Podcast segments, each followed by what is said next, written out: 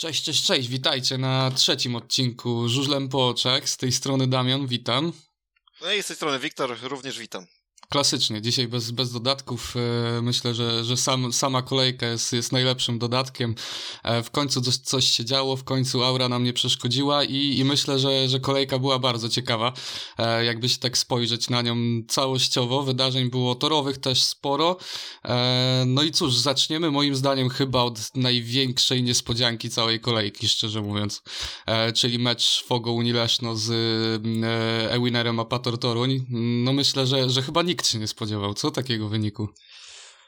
Czy niespodzianka? No powiedz sobie szczerze, że no wygrała Unia Leszno, tak? Więc y, niespodzianki nie ma, aczkolwiek wiem do czego zmierzasz. Zmierzasz do rozmiarów tego zwycięstwa i oczywiście to, i to jest pewnego rodzaju y, zaskoczenie. Chcę przypomnieć y, nasze typy przed tym meczem, bo wydaje mi się, że ty tam chyba typowałeś 60-30, ja byłem trochę ostrożniejszy, ja mówię 50-37, 52-38, już nie pamiętam, czy 54-36, także takie, w każdym razie też wysokie, ale na pewno nie aż... Byłeś bliżej. Nie aż tak, ale na pewno nie aż taką, nie, nie przewidywałem aż takiej demolki.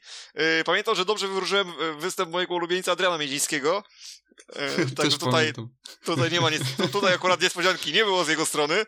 Natomiast koledzy, przede wszystkim Jack Holder, no, pokazali, że no ta liga nie jest ta liga w dwóch prędkości tak naprawdę. Znaczy ja mam właśnie problem z tym meczem troszkę, bo, bo nie wiem czy, czy to Ewiner w Apator pokazał, pokazał swoją moc, że, że wcale nie są tacy słabi w tym sezonie, czy to bardziej pokazuje, że e, jakby Unia Leszno ma problem w tym sezonie z własnym torem tak naprawdę. Ja myślę, że przede wszystkim Unia Leszno w tym meczu miała problem z Jasonem Doylem i ja mi się wydaje, tak. że tutaj się po prostu problem cały rozegrał, bo Jason Doyle y, punktujący nie za 3, tylko za 11. No i z automatu mamy 20 punktów różnicy w meczu i w sumie byśmy dzisiaj o żadnej niespodziance nie rozmawiali, tylko byśmy po prostu powiedzieli o, o tym, że ten mecz się odbył i na tym by się to chyba skończyło.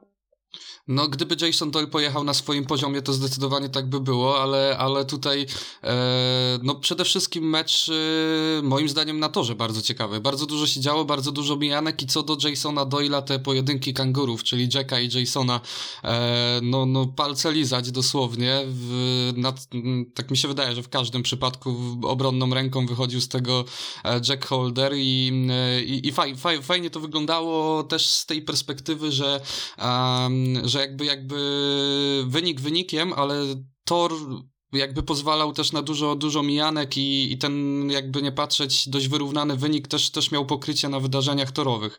Um, też, też nie wiem, nie wiem, czy jakby pamiętasz ten jeden bieg y, Jacka z Jasonem, gdzie, gdzie się wymieniali spojrzeniami wzajemnie, pamiętasz to?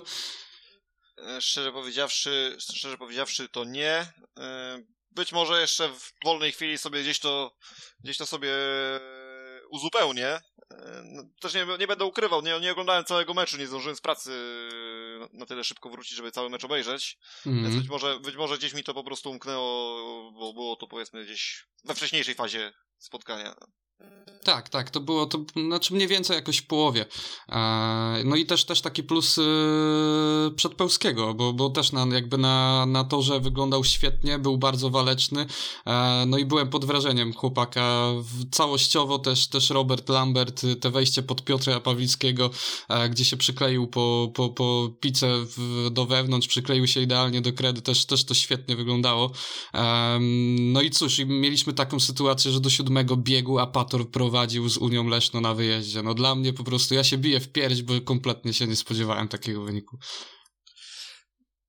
No jeśli chodzi o zawodnika tego, który, o którym powiedziałeś, czyli e, Pawła Przedpełskiego, to przede wszystkim chciałbym tutaj też powiedzieć, że w 15 wyścigu, kiedy się tak naprawdę losy, przynajmniej chociaż remisów w przypadku Torunia rozgrywały, no to zauważ, że Jack sobie tam jechał z przodu, ale Leszczynianie musieli się mocno tak naprawdę napocić, musieli taką zaporę stworzyć, żeby ten Pawełek ich gdzieś tam nie, nie prześcignął, bo naprawdę był blisko cały, przez cały ten wyścig. Tak, tak, jak ja zobaczyłem te decydujące, ten, ten baner e, wprowadzony przez, przez e, telewizję, decydujące starcie przed, przed biegiem 15 w Lesznie, jeszcze raz podkreślę, za Patorem Toruń i fakt, że, że ten Paweł jakby, jakby też tam walczył dalej o, o remis do samego końca, po prostu dla mnie nieprawdopodobna e, sprawa. Też, też w trzynastym biegu mega niebezpieczna sytuacja z Januszem Kołodziejem, który tam zawadził tak, tak, tak. O, o, tylne koło Jacka Holdera. Już, już dużo takich sytuacji jakby widzieliśmy.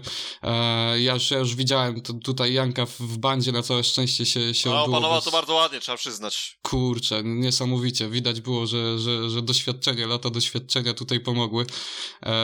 No a cóż, no Adrian Miedziński nie dość, że, że przyzwyczaja nas do pewnej formy, to przyzwyczaja też nas do tego, że stwarza zagrożenie nie tylko dla siebie, ale, ale i dla, dla zawodników obok siebie, bo, bo ta sytuacja z Piotrkiem to, to, to naprawdę była, była e, jakby wołała o pomstę do nieba, pociągnęło go prosto w Piotrka. Dobrze, że tam się skończyło na tym, że Piotrek jeszcze wylądował w, w e, bandzie dmuchanej, bo już było niedaleko do, do jej końca.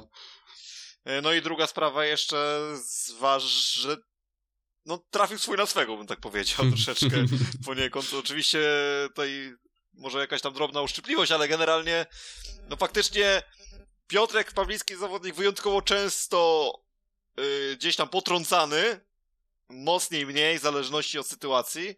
No a Adrian Miedziński to jest zawodnik, który potrąca i to akurat tutaj się.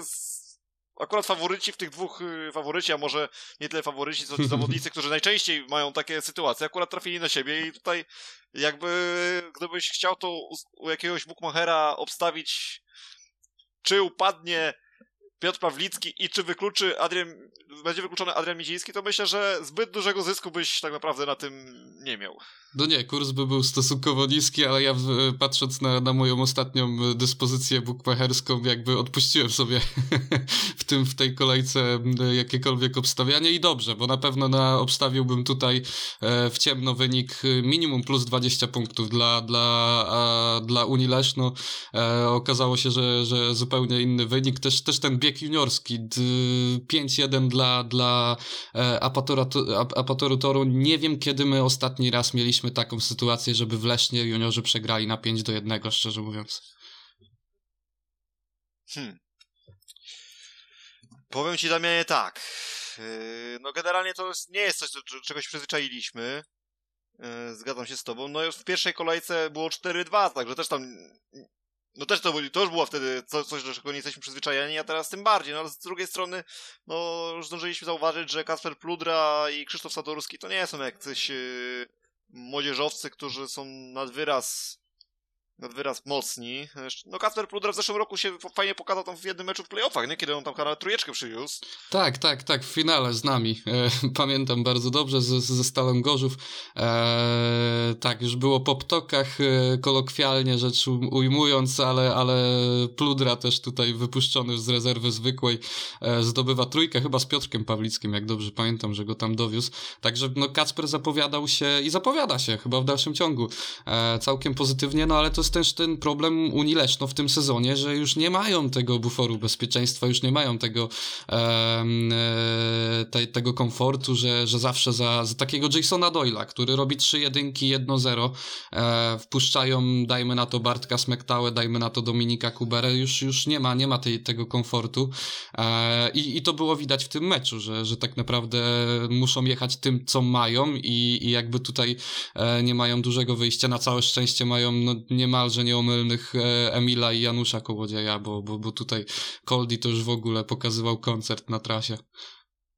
No, właśnie to, to jest siła Unii Lesz, to jest siła Unii Leszno, że oni mają jednak y, na tyle mocnych pię pięciu seniorów, że jeśli jeden, drugi jedzie troszeczkę słabiej, no to jest trzeci, czwarty i piąty, którzy pojadą doskonale, więc tutaj pod, więc na pozycjach seniorskich się nic nie zmieniło. Dalej mają taki kolektyw, no brakuje tych juniorów, no ale no cóż, muszą leszczynianie wierzyć w to, że ta piątka seniorów będzie wystarczającym siłą, aby, aby tę ligę znów wygrać, a być może nawet, no, chociaż nie, nie, wygrać, ale chociaż dojść do finału, to myślę, że myślę, że jest możliwe, no ale na pewno nie z takimi meczami Jasona Doyla jak ten, ten na Smoczyku z tego weekendu.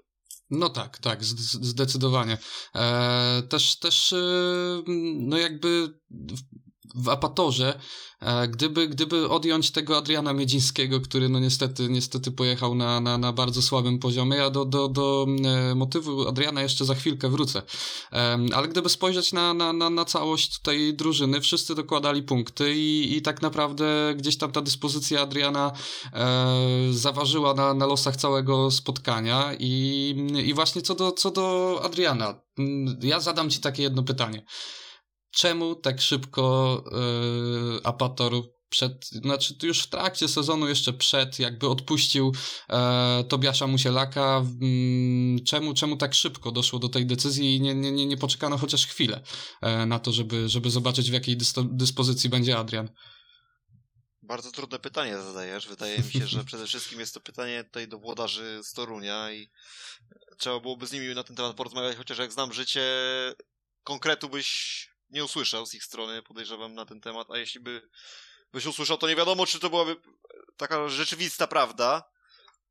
No trudno, naprawdę nie mam pomysłu, wiesz, żeby teraz się tutaj szukać domysłów, y, dlaczego tak, a nie inaczej, no wiesz, od, dłuższego czasu gdzieś się w tym Torunie mówi, że oni muszą bazować na tych wychowankach, na tym Jezińskim, Przedpełskim, znaczy, czy muszą, no, że warto by było na nich, na nich stawiać, bo to może gdzieś tam jednak y, przyciągnąć y, kibiców, sponsorów, no ale czy kibic sponsor będzie chciał się identyfikować z Adrianem Miedzińskim, który wozi 0W0 i jest, no niestety, no zaczyna się być, zaczyna być zawodnikiem, który jest coraz mniej poważnie traktowany przez, przez yy, no może nawet nie tyle przez kolegów, ale przede wszystkim przez kibiców i no nie wiem, czy będą się chcieli z kimś takim faktycznie tak mocno ci sponsorzy identyfikować, więc jakby tutaj na tym podłożu nie widzę sensu tej decyzji. Na podłożu sportowym, no być może na treningach faktycznie Adrian Midziński odstawiał Tobiasza Musielaka na tyle mocno, że e, no, że nie dawało jakichś tutaj rokowań na to, żeby Tobiasz miał skoczyć do składu. A być może to sam Tobiasz Musielak przede wszystkim tutaj wywarł jakąś presję na działaczach Storunia, że nie chciałby pełnić roli rezerwowego. No tak, ta kwestia walki o skład nie jest, nie jest komfortowa nigdy dla nikogo. Ja bym właśnie w tym upatrywał e, ewentualnej odpowiedzi, że, że zdecydowanie, zdecydowano się postawić konkretnie na jednego zawodnika, żeby, żeby nie robić po prostu gdzieś e, też, też złego, e, złej atmosfery w drużynie, bo, bo jakby, nie wiem, nauczeni chyba wszyscy doświadczeniem jesteśmy, że, że jakby ta walka o skład nigdy nie przynosi niczego dobrego. E, chociaż też może być takim motorem napędowym, e, więc, więc więc w sumie, no, no ja się jeszcze raz na, na koniec, je, jeszcze raz to przyznam, biję się w pierś. E, kompletnie tutaj nie spodziewałem się tego wyniku e, ze strony Apatora Toruń. E, jeszcze raz szapoba, bo, bo było co, co oglądać na trasie. Świetny, świetny mecz. E, kompletnie niespodziewanie, tak naprawdę świetny mecz. E, no, i, no i tutaj, jeżeli chodzi o Leszno, to, to jakbym chciał jeszcze poczekać na, na mm, rywala wymagającego w Lesznie E, na kolejny taki mecz, w którym Leszno spotka, spotka w, się, się z mm, e, też troszkę bardziej e, utytułowaną lub, lub e, po prostu mocniejszą drużyną, e, bo jakby, jakby widać tutaj pewien problem, e, jeżeli chodzi o dyspozycję na, na, na stadionie imienia Alfreda Smoczyka. I, I myślę, że, że tutaj Leszczynianie w najbliższym czasie powinni naprawdę sporo zacząć trenować na, na, na własnym obiekcie, bo, bo no, no, no jakby to nie jest jeszcze ta optymalna e, forma Unii Leszna. Michale, yy, przepraszam, Michale, Damianie, y, spojrzałem tutaj, że komisarzem toru był Michał Wojaczek. Yy, I tak akurat ostatnio, nie wiem, czy oglądałeś y, wywiad z tej z, Mar- z sędzią Markiem Właśnie Wojaczkiem. chciałem się pytać, czy to jest rodzina. Y, wydaje mi się, że chyba tak. Ja nie pamiętam, czy w tym wywiadzie przypadkiem nawet gdzieś jakiegoś, jakiejś wspominki nie było o, o bracie.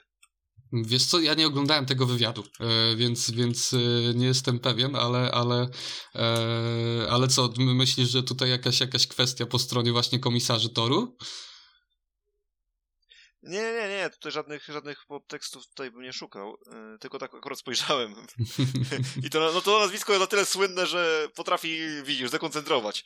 A wracając do meritum, yy, bo mówisz o, o tym, że czekasz na mocnego rywala dla Unii Leszno na Smoczyku. A pytanie, może właśnie już ten mocny rywal przyjechał do Unii Leszno, bo przecież była Stal Gorzów, No wydaje mi się, że mocniejszej drużyny w lidze chyba nie ma w tym momencie. Yy, był w Lesznie Apator Torum, być może ten Apator też jest mocny. No właśnie, to, to, to, to jest to pytanie, jakby, jakby czy, czy, czy to są problemy Unii Leszno, czy to, to jest Apator, który, który jakby pokazuje jakieś, e, nie wiem, jakieś zgłasz, zgłasza się po prostu niejako do playoffów, nie wiem, to, to jeszcze zbyt szybko jest e, powiedziane, ale, ale no, no, no szkoda, szkoda, że, że tego jednego punktu drużyny, drużyny w tym meczu nie było w postaci Adriana Miedzińskiego, bo, e, bo byłoby jeszcze ciekawiej. Wiesz co, przed sezonem przede wszystkim wydaje mi się, że nikt nie spodziewał się, że Apator Torum będzie miał w swoich szeregach e, lidera z prawdziwego zdarzenia, a Jack Holder pokazuje, że właśnie nim się stał. Tak, tak, tak. Jakby, mm, nie wiem, już od jakiegoś czasu większy potencjał ja osobiście wyczuwam w Jacku, nie w, nie w Chrisie um, Holderze, a, a, a w sumie też, też takiej formy, nie wiem jak ty, ale ja Pawła Przedpolskiego się nie, nie spodziewałem też powiem ci szczerze, że, że sam nie wiem, co myślę o tym, o, o tym Pawle Przedpełskim, bo jak sobie przypominam jego sezony z czasów jeszcze, kiedy był młodzieżowcem, kilka takich naprawdę świetnych meczów jeszcze w, we Włókniarzu, więc nie wiem, czy to jest jakaś wielka niespodzianka, że on jedzie na takim poziomie. Trudno jest mi powiedzieć. No w sumie z drugiej strony spojrzysz w program na 8 punktów, tak? No to to nie jest jakiś tam wynik powalający na kolana. No ale nie, z drugiej nie. strony faktycznie, ale z drugiej strony faktycznie zdobyty bardzo przyzwoitym stylu i to jest, myślę, taka, taka wisienka na torcie, jeśli chodzi o, ten jego, o tę jego zdobycz punktową. I myślę, Damianie, że powoli już sobie dajmy spokój już z meczem w Lesznie. Przede wszystkim z tego względu, że ty zacząłeś troszeczkę od końca. Zresztą nie wiem, czy pamiętasz, przecież w piątek odbyła się pierwsza, zaległa pierwsza kolejka. Wiesz co, ja tak, ja tak, mm, nie wiem, może podświadomie stwierdziłem, że, że patrząc na, na naszą dyspozycję, jeżeli chodzi o długość odcinków, stwierdziłem, że, że może, może ograniczę się do, do, do tych e, samych, samych meczów trzeciej kolejki, no ale, ale nie ma problemu, tutaj jak najbardziej możemy, mo, możesz wrócić e, no, tak, do... Mhm. Tak więc biorę na, na tapetę e, mecz motoru Lublin z Eltros Włókniarzem Częstochowa, i na samym starcie, jak patrzę na ten mecz, to od razu nie będę tutaj chyba y, zwlekał z, z ogłoszeniem wyroku. Kasper Woryna, dętka weekendu dla mnie. Zdecydowana. Rozumiem, już, już, już dwa punkty, dwa punkty w trzy biegi w Lublinie, jeden punkt w cztery biegi y, w Częstochowie. To daje trzy punkty w siedem wyścigów. To jest mniej niż pół punktu na wyścig. Także dla mnie to jest zdecydowana dętka kolejki, jeśli chodzi o, o, o całą, o wszystkich Nawet weekendu. Się w niej Nawet weekendu bym powiedział, no tak, no bo to mm -hmm. nawet nie kolejki, tylko weekendu. Mm -hmm. I tutaj no będą musieli mocno podrapać się po głowie działacze włókniarza, aczkolwiek ja nie, nie uważam, żeby kat praworynę powinno się, powinno się w tym momencie skreślać, bo niejednokrotnie widzieliśmy różnego rodzaju kryzysy na początku sezonu i to bardzo podobnym w stopniu. Przypominam, przypomnę ci Szymka Woźniaka z zeszłego sezonu, co się działo na początku z Szymkiem. Tak, tak. No, no był, był, był e, zdecydowanie pod formą, ale jakby, nie wiem, może brak alternatyw w ogóle w drużynie stali e, spowodował, że, że cały czas jakby, jakby stawiano na niego. E, no i okazało się, że, że, że, że prawidłowo. No tutaj też ten sam problem jest troszkę z Krzyśkiem Buczkowskim, którego widać było, że chce się odbudować w Lublinie.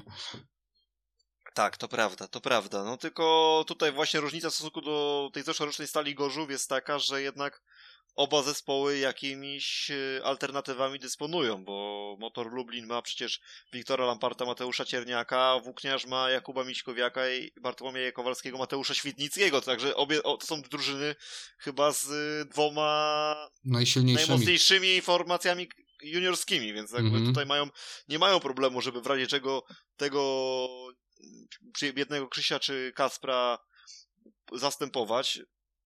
No i druga sprawa, że tutaj gdzieś w kuluarach się cały czas gdzieś tam obija to nazwisko Pawła Miesiąca, gdzieś tam o, wiadomo o Motor Lublin, teraz dzisiaj się pojawiła jakaś plotka, bo nagrywamy to przypomnę we wtorek, pojawiła się plotka też, że niby Paweł Miesiąc gdzieś yy, trenował w Grudziądzu, Także się tak, ten, ten Paweł z- Miesiąc nawet, nawet jakby sygnalizował na, na mediach społecznościowych swoją, swoją obecność, że jest Tak. gotowy, e, więc, więc ogłoszenia o pracę też, też już, już były e, na, na, na, na Facebooku, widziałem.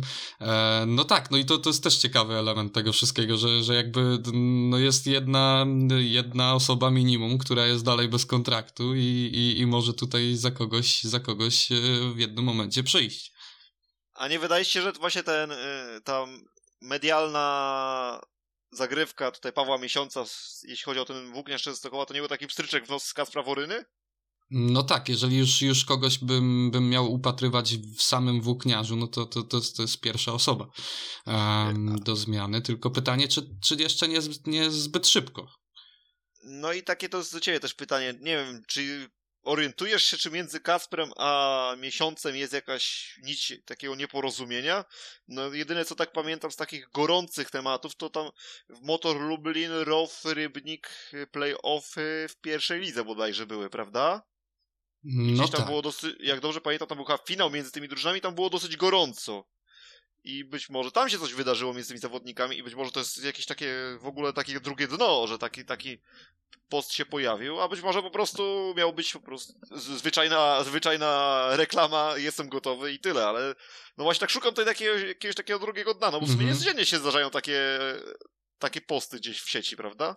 No nie codziennie, nie każdy, nie każdy jakby z, chce to publikować publicznie, o to nawet tu chodzi i, i faktycznie takie, em, takie, takie anonse w sumie swoje, jeszcze, jeszcze wiadomo pod, pod czyim jak, jakby, em, w którym, w, w czyim kierunku, e, nie wiem, ale ra, raczej bym chyba abstrahował od tego, że, że, że mm, gdzieś tam to jest, to jest zamierzony, e, zamierzone uderzenie, to jest bardziej, bardziej coś czuję, że, że, że jakby chęć pokazania się, że, że ja tu jestem, e, jakby ta sytuacja Pawła Miesiąca jeszcze w Tarnowie i, i, i też na pewno jest, jest jakby, jakby tym wszystkim e, mocno, mocno mm, zniesmaczony i, i wydaje mi się, że, że upatruje tutaj po prostu swojej szansy gdzieś e, w którymś momencie sezonu, że, że wskoczy e, do Ekstraligi. Tak jest. Mówi jestem jak u Dariusza Szpakowskiego. Tak, tak. Jestem. Pomyślmy sobie tutaj o samym spotkaniu. Tak Generalnie jest. wynik wskazuje na to, że mecz był dosyć wyrównany. No i rzeczywiście sobie to było dosyć wyrów- to było wyrównane spotkanie, trzeba sobie powiedzieć jasno.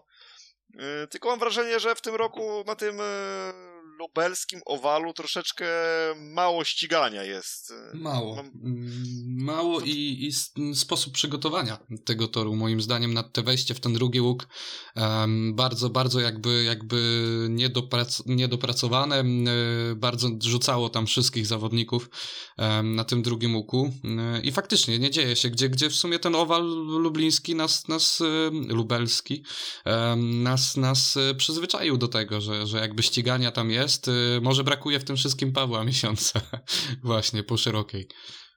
No właśnie, może, może to jego brakuje, a z drugiej strony kil, kilka takich wmijanek się gdzieś tam trafiło, chociażby bodajże Maciej Janowski chyba jeszcze w trzeciej kolejce tam po zewnętrznej potrafił swoich gdzieś tam rywali y, Dlatego to właśnie potrzeba, potrzebna była naprawdę duża różnica prędkości, żeby coś, coś na, tym, na tej trasie zadziałać. Kiedy one były porównywalne, no to wtedy faktycznie zawodnicy mieli ogromne problemy, szczególnie kiedy z przodu jechał ktoś w miarę doświadczony i, Tak. i umiał się na tym torze z grubsza poruszać, to naprawdę było ciężko. I tak sobie myślę, y, Włókniarz miał w ogóle też dużo szczęścia, że mieli w tym meczu tego Leona Madsena, bo bez Leona też by to było średnio. Tam się nie, poza Leonem tak naprawdę nikt y, w jakiś szczególny sposób nie wyróżniał. No Bartosz Smektała nas zaczyna przyzwyczaić do tego, że on musi się rozkręcić w trakcie zawodów, bo, bo to samo było przecież później w meczu z Falubazem, to samo było Yy, gdzie to, gdzie, gdzie, gdzie, to jeszcze miało miejsce? W y, indywidualnych mistrzostwach polskich, chyba w Rawiczu on jechał, jak dobrze pamiętam. W Mhm. Rawiczu jechał w Rawiczu chyba. Nie pamiętam w której, w której dokładnie rundzie, ale, ale pamiętam, że tam punktowo też, też e, wyglądał e, z biegu na bieg coraz lepiej. E, i faktycznie jakby, jakby potrzebuje długiego wejścia w ten mecz, e, ale, ale właśnie mówiłeś o, o tym Leonie Matsenie i o tym, że e, jakby jeżeli ktoś obierał poprawne ścieżki w trakcie, w trakcie biegu, to trudno było go, go wyprzedzić, no to właśnie Grisha Laguta był takim największym przeciwnikiem Leona Matsena, bo pamiętam tam w dwóch biegach Leon był dużo szybszy, jakby dwoił się i troił za plecami Gri, Grigoria, ale, ale mimo wszystko starszy z braci Lagutów tutaj skrzydł skrzętnie trzymał odpowiednie ścieżki, blokował i, i widać było, że, że Madsen wręcz jest poirytowany nie tym, że przegrał, e, tylko tym, że był dużo szybszy i czuł, że jest dużo szybszy, a mimo wszystko nie był w stanie wyprzedzić tego, tego Griszy. Ale po, to, to, to, to jest prawda, to jest prawda, to co mówisz yy, i generalnie no Grisha to jest w ogóle dla mnie jeden z zawodników, który ma największe umiejętności defensy jazdy defensywnej, wiesz? On mm -hmm. generalnie tak czuje tego przeciwnika, co on zrobi, gdzie, z której strony wyskoczy, że naprawdę jestem bardzo podekscytowany, kiedy widzę tę jego jazdę obronną. Przecież Grigori też przecież fantastycznie potrafi swojego, swojemu koledze pomóc. Czasami yy, mam wrażenie, że na pograniczu faulu, a może i nawet z faulem, kiedy potrafi gaz puścić komuś przed nosem. Nie mm -hmm. wiem, czy mhm. kojarzysz takie sytuacje z właśnie z udziałem Grigoria, bo to zdarzało się nie tylko jemu. Teraz chyba nawet Matej Żagar w meczu Falubazu też dostał ostrzeżenie, prawda, za niby za obracanie się głowy chyba tam dostał ostrzeżenie, ale generalnie chodziło o to puszczanie gazu. To właśnie Grigori zapamiętałem, bo on kilka takich co najmniej sytuacji miał, że właśnie w ten sposób zrobił zawsze, za każdym razem zawodnicy mieli do niego pretensje, a Grigori mam wrażenie, że on nigdy za to żadnego upomnienia nawet nie dostał. Nie wiem, nie przypominam sobie żadnej żółtej kartki ani ostrzeżenia, ale, ale no nie wiem, moim zdaniem w ogóle to też jest e, inna kwestia tego, jak się podchodzi.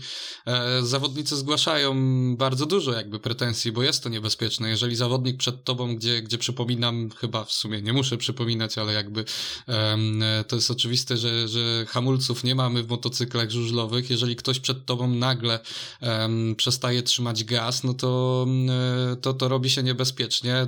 Tylne koło się pewnie zbliża w, w ułamkach sekund. Ale z drugiej strony upomnienia za obracanie się na motocyklu, no tutaj ja bym też, też yy, raczej no nie wiem, nie wiem, zbyt aptekarskie takie podejście jak dla mnie, też, też e, troszkę postarajmy się utrzymać e, jakby sportowej rywalizacji e, i takich smaczków e, dodatkowych w, w, w, w tej dyscyplinie, bo, bo, bo jakby jeżeli zawodnik dalej utrzymuje kontrolę nad motocyklem, pomimo tego, że się obraca, przykładów takich jest sporo, nie wiem, Patryk Dudek, Bartosz Zmarzlik, mm, gdzieś tam jakieś inne jeszcze Rekordzi, Rekordzista w ilości obrotów do tyłu Piotr Protasiewicz. E, też, też, jak najbardziej. I to, to jakoś nie, nie stwarza mm, zagrożenia tak naprawdę de facto. To, mm, tutaj, no, no, ewentualnie to puszczanie gazu, to tak, tutaj bym się zgodził. Damian, powiem więcej, jeśli chodzi o to obracanie głowy. Yy, ile razy się mówi, że zawodnik z przodu nie widział tego, kto u z tyłu. No to jeśli on się będzie tak dużo obracać, że będzie go cały czas widział, no to słuchaj, no to to nie będzie niebezpiecznych sytuacji. To, to nie będzie niebezpiecznych sytuacji. No, jeszcze, zależy, czy, jeszcze zależy, co ma z przodu, nie? Żeby przypadkiem, wiesz, nie zapomniał skręcić. No tak. To, to, to, jest jedyne jakieś niebezpieczeństwo, ale jeśli robi to tak naprawdę zaraz po wyjściu z łuku, no to nie wiem, czy to jest jakieś takie wielce niebezpieczne. No ale, mm. ale zostawmy już może te kwestie. Yy, no 49-41, podsumujmy sobie ten mecz. Yy, kto, kto twoim zdaniem jest zawodnikiem meczu? Bo nie powiedzieliśmy o Wiktorze Lamparcie, a dla mnie to w ogóle jest odrodzenie niesamowite po tym meczu w Gorzowie. Tak, tak, tak, tak. Ten mecz w Gorzowie właśnie jakby no, no pojawiły się wątpliwości co do jego formy. E, bardziej Mateusz Ścierniak wtedy zabłysnął, a, a tutaj się okazuje, że, że z powrotem w Lublinie e, Wiktor błyszczy, Wik, Wiktor e, po, pokazuje co potrafi. E, szkoda tej jednej zerówki co prawda, e, bo pamiętam, że, że, że też jakby tam się starał dość mocno e, zdobyć jakikolwiek punkt, ale, ale jeżeli chodzi o zawodnika tego meczu, szczerze powiedziawszy tak, no, no, no, no ja bym tutaj też obstawiał na Wiktora. No myślę, że konkurentem był na pewno jeszcze Dominik Kubera, który no zadebiutował tak naprawdę w lubelskiej drużynie i no i 10 plus 2 w debiucie myślę, że naprawdę godny, godny debiut. Tak, tak. Tym bardziej, że Dominik jakby mm, podkreślał to, jak się cieszył z tego, że, że została odwołana ta pierwsza kolejka i że mógł w niej pojechać. E, widać było, że bardzo mu na tym zależało i, i, i dobrze, dobrze się stało. E, tutaj też nie chcę komentować e, tych animozji względem jego, jego rodzimej drużyny z Leszna, e, bo A, tam Krzysztof zachować... Krzysz, Krzysiu Cegielski by skomentował, także śmiało, nie, nie ma co się szczypać w język. Nie, spokojnie, też, też nie chcę, ale, ale mm, e, no nie, no, znaczy jeżeli już mam skomentować, no to nie robi się takich rzeczy wychowanką i, i, i moim zdaniem to jest, to jest yy, po temacie i, i tutaj nie ma co więcej dodać. Na całe szczęście Dominik mógł pojechać w tej pierwszej kolejce, e, koniec końców i, i, pokazał się z ekstra strony. Miło się patrzy na tych, na tych leszczyniaków, którzy gdzieś tam wychodzą ze swojego klubu e, i zaczynają bardzo, bardzo dobrze jeździć. Tutaj nawet mieliśmy naoczne yy, spotkanie e, ich w Parku Maszyn, na pewno sobie parę, parę słów wymienili na ten temat, jak to jest już, już w innych barwach, więc, więc y, fajnie, że, że chłopaki dalej się rozwijają i, i kto wie, może kiedyś wrócą jeszcze do Unii. No, ja powiem ci już, przejechałem się do województwa kujawsko-pomorskiego, yy, jestem już w Grudziądzu. No i tu się działo, prawda? Tutaj I się tu, działo. Tu się działo, tutaj było dużo bardzo ciekawych sytuacji, oczywiście pozytywnych, no i niestety też negatywnych, no bo wiemy, że Mecz się rozpoczął od fatalnego upadku Taja Wolfindena oraz Przemka Pawlickiego. No Taja to mi szkoda, ja w ogóle mam wrażenie, że to jest taki strasznie pechowy zawodnik. On w ogóle mi tyle kontuzji, co, co on przychodził. No ja mam wrażenie, że on w każdym sezonie łapie jakąś kontuzję. I jak on przy tym wszystkim zdobył te tytuły mistrzu, mistrza świata, to ja po prostu nie wiem. Szkoda mi strasznie gościa, no i kurczę, no i szkoda, że przez to Sparta przegrywa mecz, bo wolałbym, że jeśli mieliby przegrać, to żeby to, to sportowo. po prostu sportowo, nie, a nie w taki mm -hmm. sposób. No, no też, też właśnie to może być jeden z powodów. E, ja się strasznie zdziwiłem w ogóle swego czasu, kiedy, kiedy e, ktoś mi uświadomił, że, że, że Tai Finden pomimo tego, że zdobył trzy razy mistrza świata, to nie obronił tytułu ani razu i dopiero, dopiero jakby to do mnie dotarło, że, że faktycznie, że, że mm, Tai nie był, nie był w stanie obronić tego tytułu i właśnie być może właśnie przez, przez e, te pechowe e, sytuacje. Szkoda, bardzo szkoda, bo, bo jakby no, no, odwróciło to na pewno losy całego spotkania e, i, i w sumie no, Maciek Janowski, który no, dwoił się i troił dalej, nie mógł, nie mógł odwrócić tych losów. Też Artium Łaguta przez 14 punktów, tylko raz chyba, chyba z nikim, jak dobrze pamiętam, przegrał, więc, więc reszta zrobiła swoje, ale jakby no, no, no, no, po takim zawodniku jak Taj to raczej, raczej nikt nie jest w stanie mm, efektywnie i, i efektownie być może też załatać tej dziury. Trochę, trochę ten Daniel Bewley, ci powiem, że te szarże po szerokiej, ja bardzo, bardzo lubię zawodników, którzy atakują po szerokiej, ale, ale ten Daniel tutaj jakby, jakby nie wiem, e, nie widział co się dzieje na torze, czy, czy, czy po prostu stwierdził, że to jest jego jedyna ścieżka na tym torze i innej nie ma, ale, ale no, no uporczywie tam strasznie po tej szerokiej próbował atakować. Pamiętaj, że ten tor jest y, bardzo długi i bardzo wąski. To chyba nie jest raczej taka codzienność w lidze angielskiej. Y, więc być może to troszeczkę Danielowi doskwierało, że przez to nie mógł się do końca na tym torze odnaleźć. Jeśli chodzi o to, że wszyscy poza Tajem, którego nie było, zrobili swoje, to ja się nie do końca zgodzę, bo y, no jak spojrzę na juniorów i oni robią Cztery punkty. No, powiem ci, że to jest moim zdaniem za słabo, szczególnie, że Sparta Wrocław przed tym sezonem wydawało się, że będzie miała jednak no, taką trzecią, czwartą parę juniorów w lidze. Przede wszystkim po Przemku Liczce bym się spodziewał o wiele więcej. Zresztą ten chłopak już potrafił naprawdę mocnych rywali objeżdżać w tej ekstralidze i to jest, ja nie wiem, czy to nie jest już jego ostatni sezon jako juniora. Prawdopodobnie tak. E, prawdopodobnie tak, zaraz to, to sprawdzimy. E, ale, ale faktycznie. Słabo. Faktycznie, znaczy też nie, nie powiedziałem, że, że wszyscy zrobili swoje, e, tylko że pewne osoby się, się starały zapełnić tą, tą lukę, e, ale, ale tak, no Przemek Liszka jakby, jakby pokazywał już, że, że potrafi naprawdę niesamowite akcje popełniać, zdobywać świetne punkty e, i, i ja bym też obstawiał przed sezonem, że to jest trzecia w ogóle para juniorska w Ekstralidze. E, tutaj się okazuje, że, że, że tak tak nie jest i, i pamiętam jeszcze po tej pierwszej kolejce, drugiej w sumie de facto pierwszej odjechanej e, przez Spartę, że, że jakby upatrywałem w nich e, e, drużynę bez luk, drużynę, która, która moim zdaniem jest, jest głównym faworytem w ogóle do, do mistrzostwa w tym sezonie, a, a okazuje się, że tak kolorowo nie jest i, i wystarczy, że wystarczy. No to jest ogromna strata w przypadku e, Sparty Wrocław, żeby stracić Taja Findena w, w trakcie meczu w pierwszym biegu dodatkowo, e, no to, to wiadomo, że to jest, to jest olbrzymia strata, ale, ale no, no tutaj jakby, jakby juniorzy faktycznie muszą dodawać więcej i, i tak, tak, zdecydowanie tutaj bym upatrywał w ogóle przegranej e, Sparty w tym meczu. I tak powiem ci, patrząc z kolei na GKM, e, no to tutaj ktoś by powiedział, że Krzysiu Kasprzak 10 punktów, no kurczę, tego się od niego oczekiwało, to wspaniały, wspaniały wynik Krzysztofa Kasprzaka, no po tak słabym sezonie jak tamten robi 10 punktów, no ale ja powiem stop! No bo na kim? On wygrał bieg jeden z Czugunowem, a tak wygrywał tylko z Biulejem oraz z juniorami, z nikim tak. innym. Tak, tak. To, to, to było też moje spostrzeżenie, że mówię, no fajnie, punktówka świetnie wygląda, um, ale, ale faktycznie no, no, wygrywał tutaj z, z zawodnikami, którzy, którzy jakoś na, na, na wy, wybitnym poziomie nie jeździli.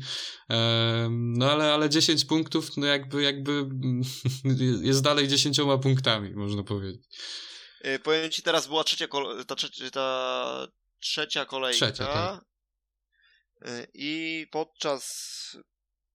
No zanim ona się rozpoczęła, to właśnie podczas tego weekendu kumpel do mnie. Znaczy do mnie, na, generalnie tam na, na grupie naszej, tam y, takiej messengerowej, yy, napisał, że jaki tam kupon sobie stworzył na, na niedzielę, no i tam patrzę, Krzysztof Kasprzak, tylko jeszcze, go, jeszcze go nie puścił. Krzysztof mhm. Kasprzak, że będzie head to head lepszy niż Gleb Czugunow. No ja mówię, stary, ja szanuję twoją wiedzę yy, Żużlow. Nie, nie Szczegunów, przepraszam, to nie ten mecz. Yy, z kim on Tak. Yy, oni jechali teraz yy, ze Stalą Gorzów, on miał z Thompsonem, z Andersem Thompsonem, on mm -hmm. miał mhm. ich zestawionych. Yy, I ja mówię, no kurczę, Anders Thompson to jest bardzo mocny zawodnik i ja mu specjalnie, słuchaj, wynalazłem wszystkich rywali, których Krzysztof Kasprzak pokonał w tym sezonie. Oczywiście tych ze Sparty już powiedzieliśmy, a w Zielonej Górze on poko po pokonał poobijanego Mateja Żagara i Fabiana Ragusa. Także więc on pokonał tak, Czugunowa, tak, tak, tak, poobijanego tak, y, Ragus, y, poobijanego Żagara. No i, i tak naprawdę no, ni, no, nic specjalnego nie pojechał tak naprawdę ten Krzysiu. Najbardziej martwi mnie, jeśli chodzi o GKM, jednak mimo wszystko forma Kenefa Bier, bo to wydawało mi się, że to będzie jednak drugi najmocniejszy zawodnik w zespole. A na razie, no Przemek Pawlicki jest tym drugim najmocniejszym. No tak, pokazuje, że, że, że też, też e, potrafi walczyć. Zaraz przejdziemy do tego meczu z Gorzowem, bo tak, tak właśnie tam, tam Przemek pokazał. no generalnie tak. Przemek to chyba tak na razie pozytywnie się prezentuje, co? Z tej pierwszej części sezonu. No ten pierwszy mecz taki nie, nie, nie po jego myśli, z tego co kojarzę, ale, ale teraz... teraz... Nie, w Zielonej Górze przecież 10 punktów zdobył. To było 10 punktów w sześciu startach. No to też, też prawidłowy. No na wyjeździe myślę, wydaje, że poprawny wynik. Tak, tak, tak. W sumie jak na to spojrzeć, to tak i, i, i mm, ewentualnie po Przemku można było się spodziewać właśnie takich punktów, jakie przywozi, a po, e, po Kenecie zdecydowanie więcej.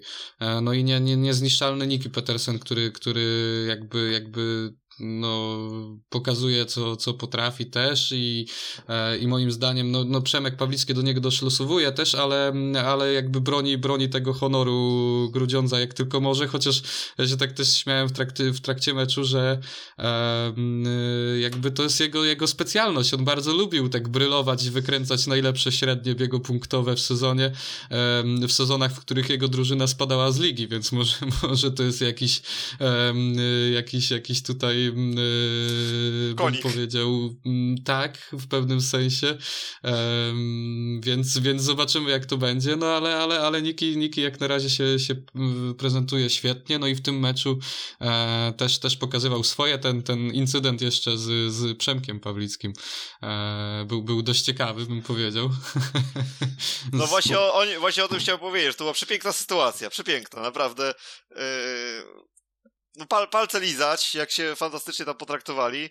E, trudno mi jest, wiesz co, oceniać, kto tutaj bardziej zawinił. No, patrząc na oceny tutaj ekspertów podczas magazynu PG Ekstraligi, jak gdzieś tam rozmawia, jak gdzieś tam rozmawiali na ten temat, przepraszam, to nie, niekoniecznie chyba na ten temat, oni rozmawiali na, Mhm. na sytuację dwóch innych zawodników na środku prostej i tam, kto tam się zderzył na, na środku prostej? Mówisz o, o innym meczu, tak? E, tak, to, był w Lublinie, mecz Lublinie Czugunow Defekt i z kim on tam się zderzył? I Gri, Grigor- Gri, Grisza. Łaguta, Grisza Łaguta, Tak. tak.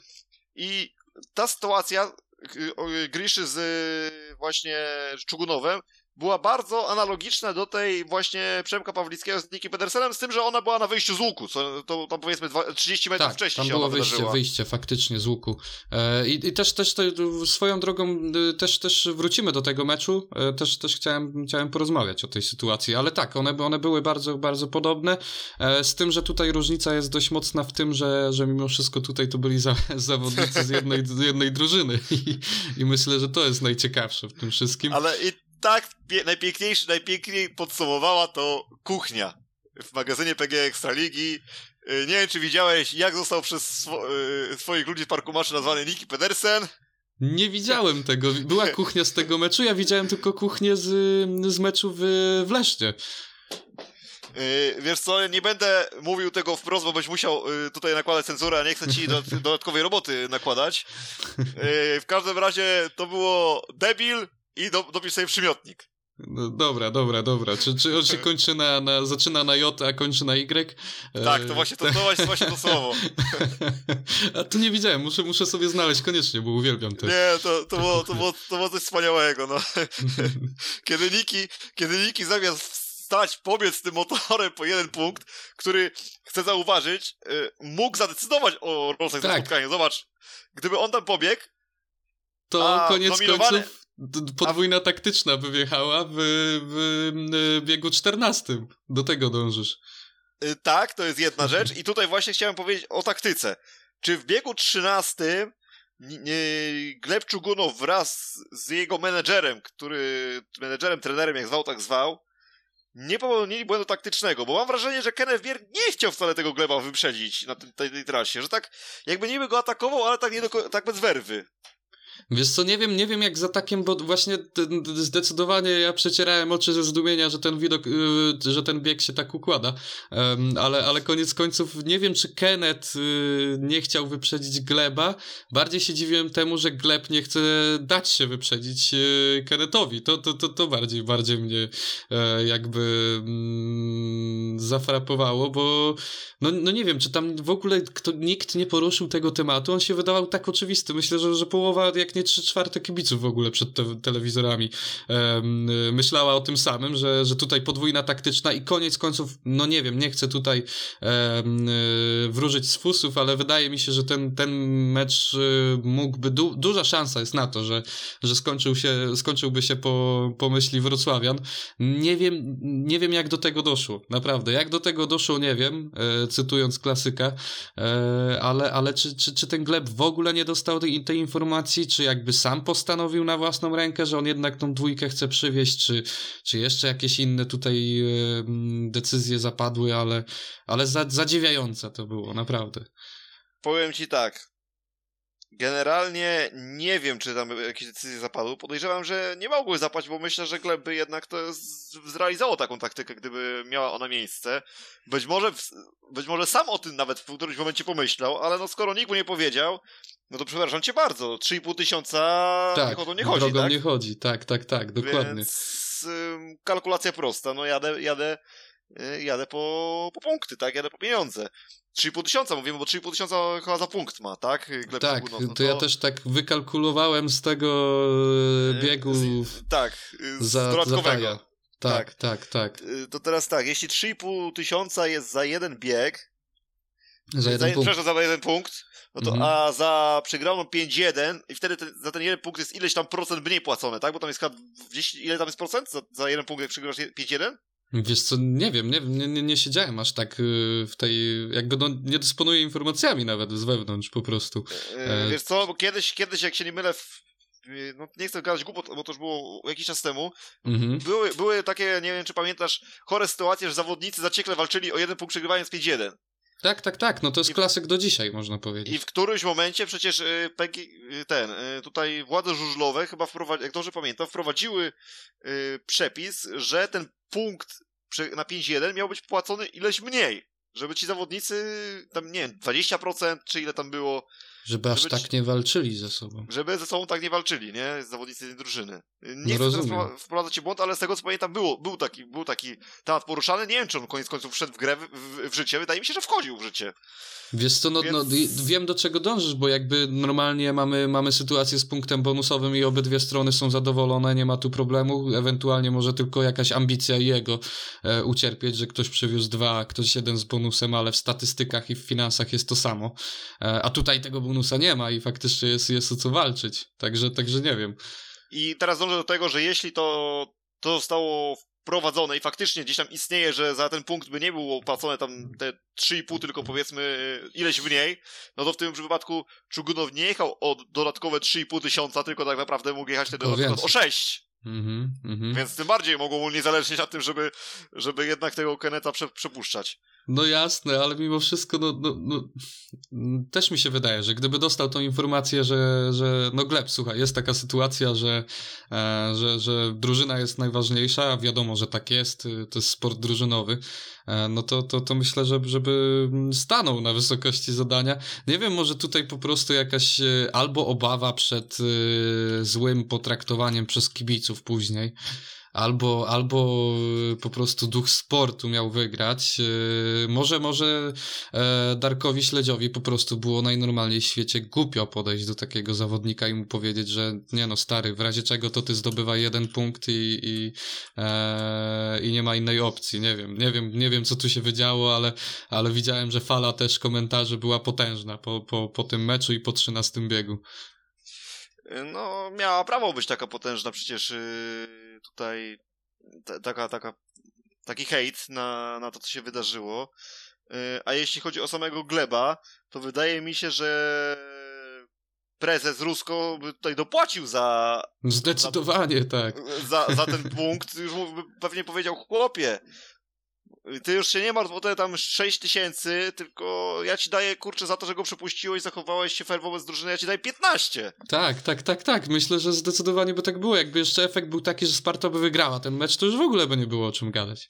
No, szczególnie, że też nie wiemy, czy przypadkiem, wiesz, w kontraktach gdzieś zawodnicy Sparty na przykład nie mają jakiejś tam premii za zwycięstwo w drużynowe. Tak. Tak, Być może też tak, coś tak. takiego jest. Bardzo, bardzo możliwe. Więc, więc Także, sytuacja ciekawa. E, także magiczny y, Janoś, torpedowy Artem nie dostali dodatkowej szansy w biegach nominowanych, nie dali zwycięstwa Sparcie. Szkoda, no i w ten magiczny sposób proponuję przenieść się do niedzieli, a skoro jesteśmy przy Magicu, to może e, tym wspaniałym rokowym stylu, którym on dostał się na mecz w Lublinie, przejdźmy może do ostatniego meczu tego weekendu, czyli z powrotem do Lublina. To, to nie idziemy po kolei? Ale skoro jesteśmy już na... No, ta, tak, tak, mi, ta, tak mi wyszło przejście, tak? No. Dawaj, dawaj, dawaj. Wiesz, że to, to, co przyjdzie do głowy, tak, tak, tak wychodzi później w rzeczywistości.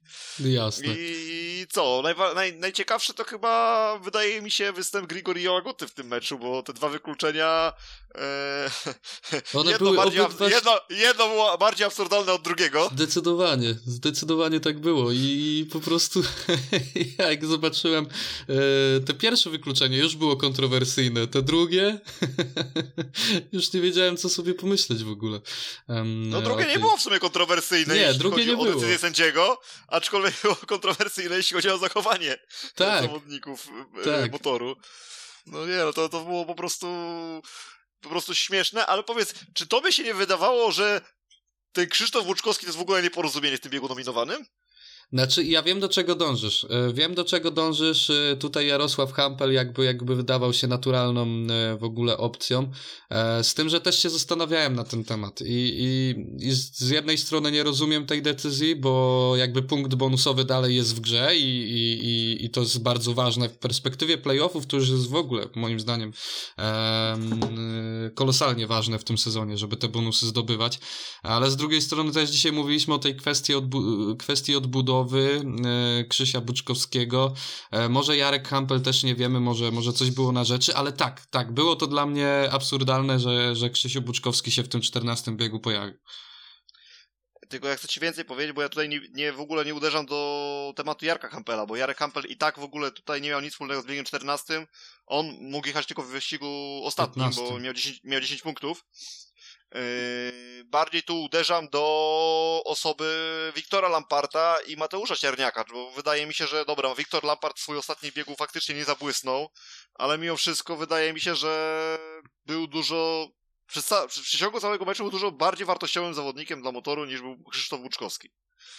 I tak, tak, jeśli tak. walczymy o punkt bonusowy, zobacz, co się wydarzyło. W biegu 14 yy, Sparta wygrała 5 do 1. I wyobraź sobie, że ostatni bieg potoczyłby się odwrotnie niż się, niż się potoczył w rzeczywistości, bo tam wiemy, jaka była sytuacja z tym Czugunowem, yy, że tam się przewrócił, ale załóżmy, że wygrali 5-1 i, wygra, i mecz by się skończył 4-7, 4-3. To przecież by tutaj myślę, że jeśli chodzi o tutaj menedżera motoru, to tutaj był, byłby, no może, może nie byłoby linczu, no bo akurat wiem, że w, w Lublinie są bardzo wyrozumiali kibice, ale myślę, że byłoby na pewno dużo głosów niezadowolenia.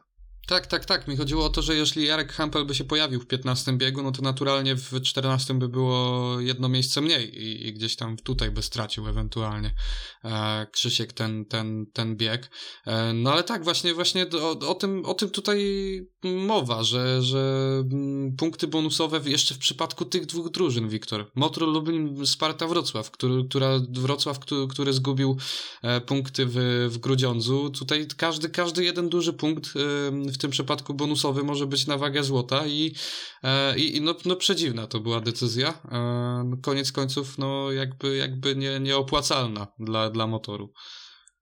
Ale powiem ci, że ciężko się patrzyło na jazdę Maćka Jańskiego i Artema, jak oni po dwóch seriach bodajże we dwóch mieli chyba łącznie na swoim koncie 5 punktów. Dobrze, w ogóle, ta, tak, tak, tak było i w ogóle jeżeli chodzi o sam przebieg yy, spotkania, no to Spartanie byli totalnie jakby wybici z tropu, totalnie zaskoczeni, tam 22 do 8 było po pięciu biegach. Um, pierwsze indywidualne w ogóle zwycięstwo Sparty było, proszę ja ciebie, w biegu numer 8. Um, dopiero później gdzieś tam Artiom się odnalazł i, i, i doszlusował też do Gleba, który wygrał wcześniej bieg.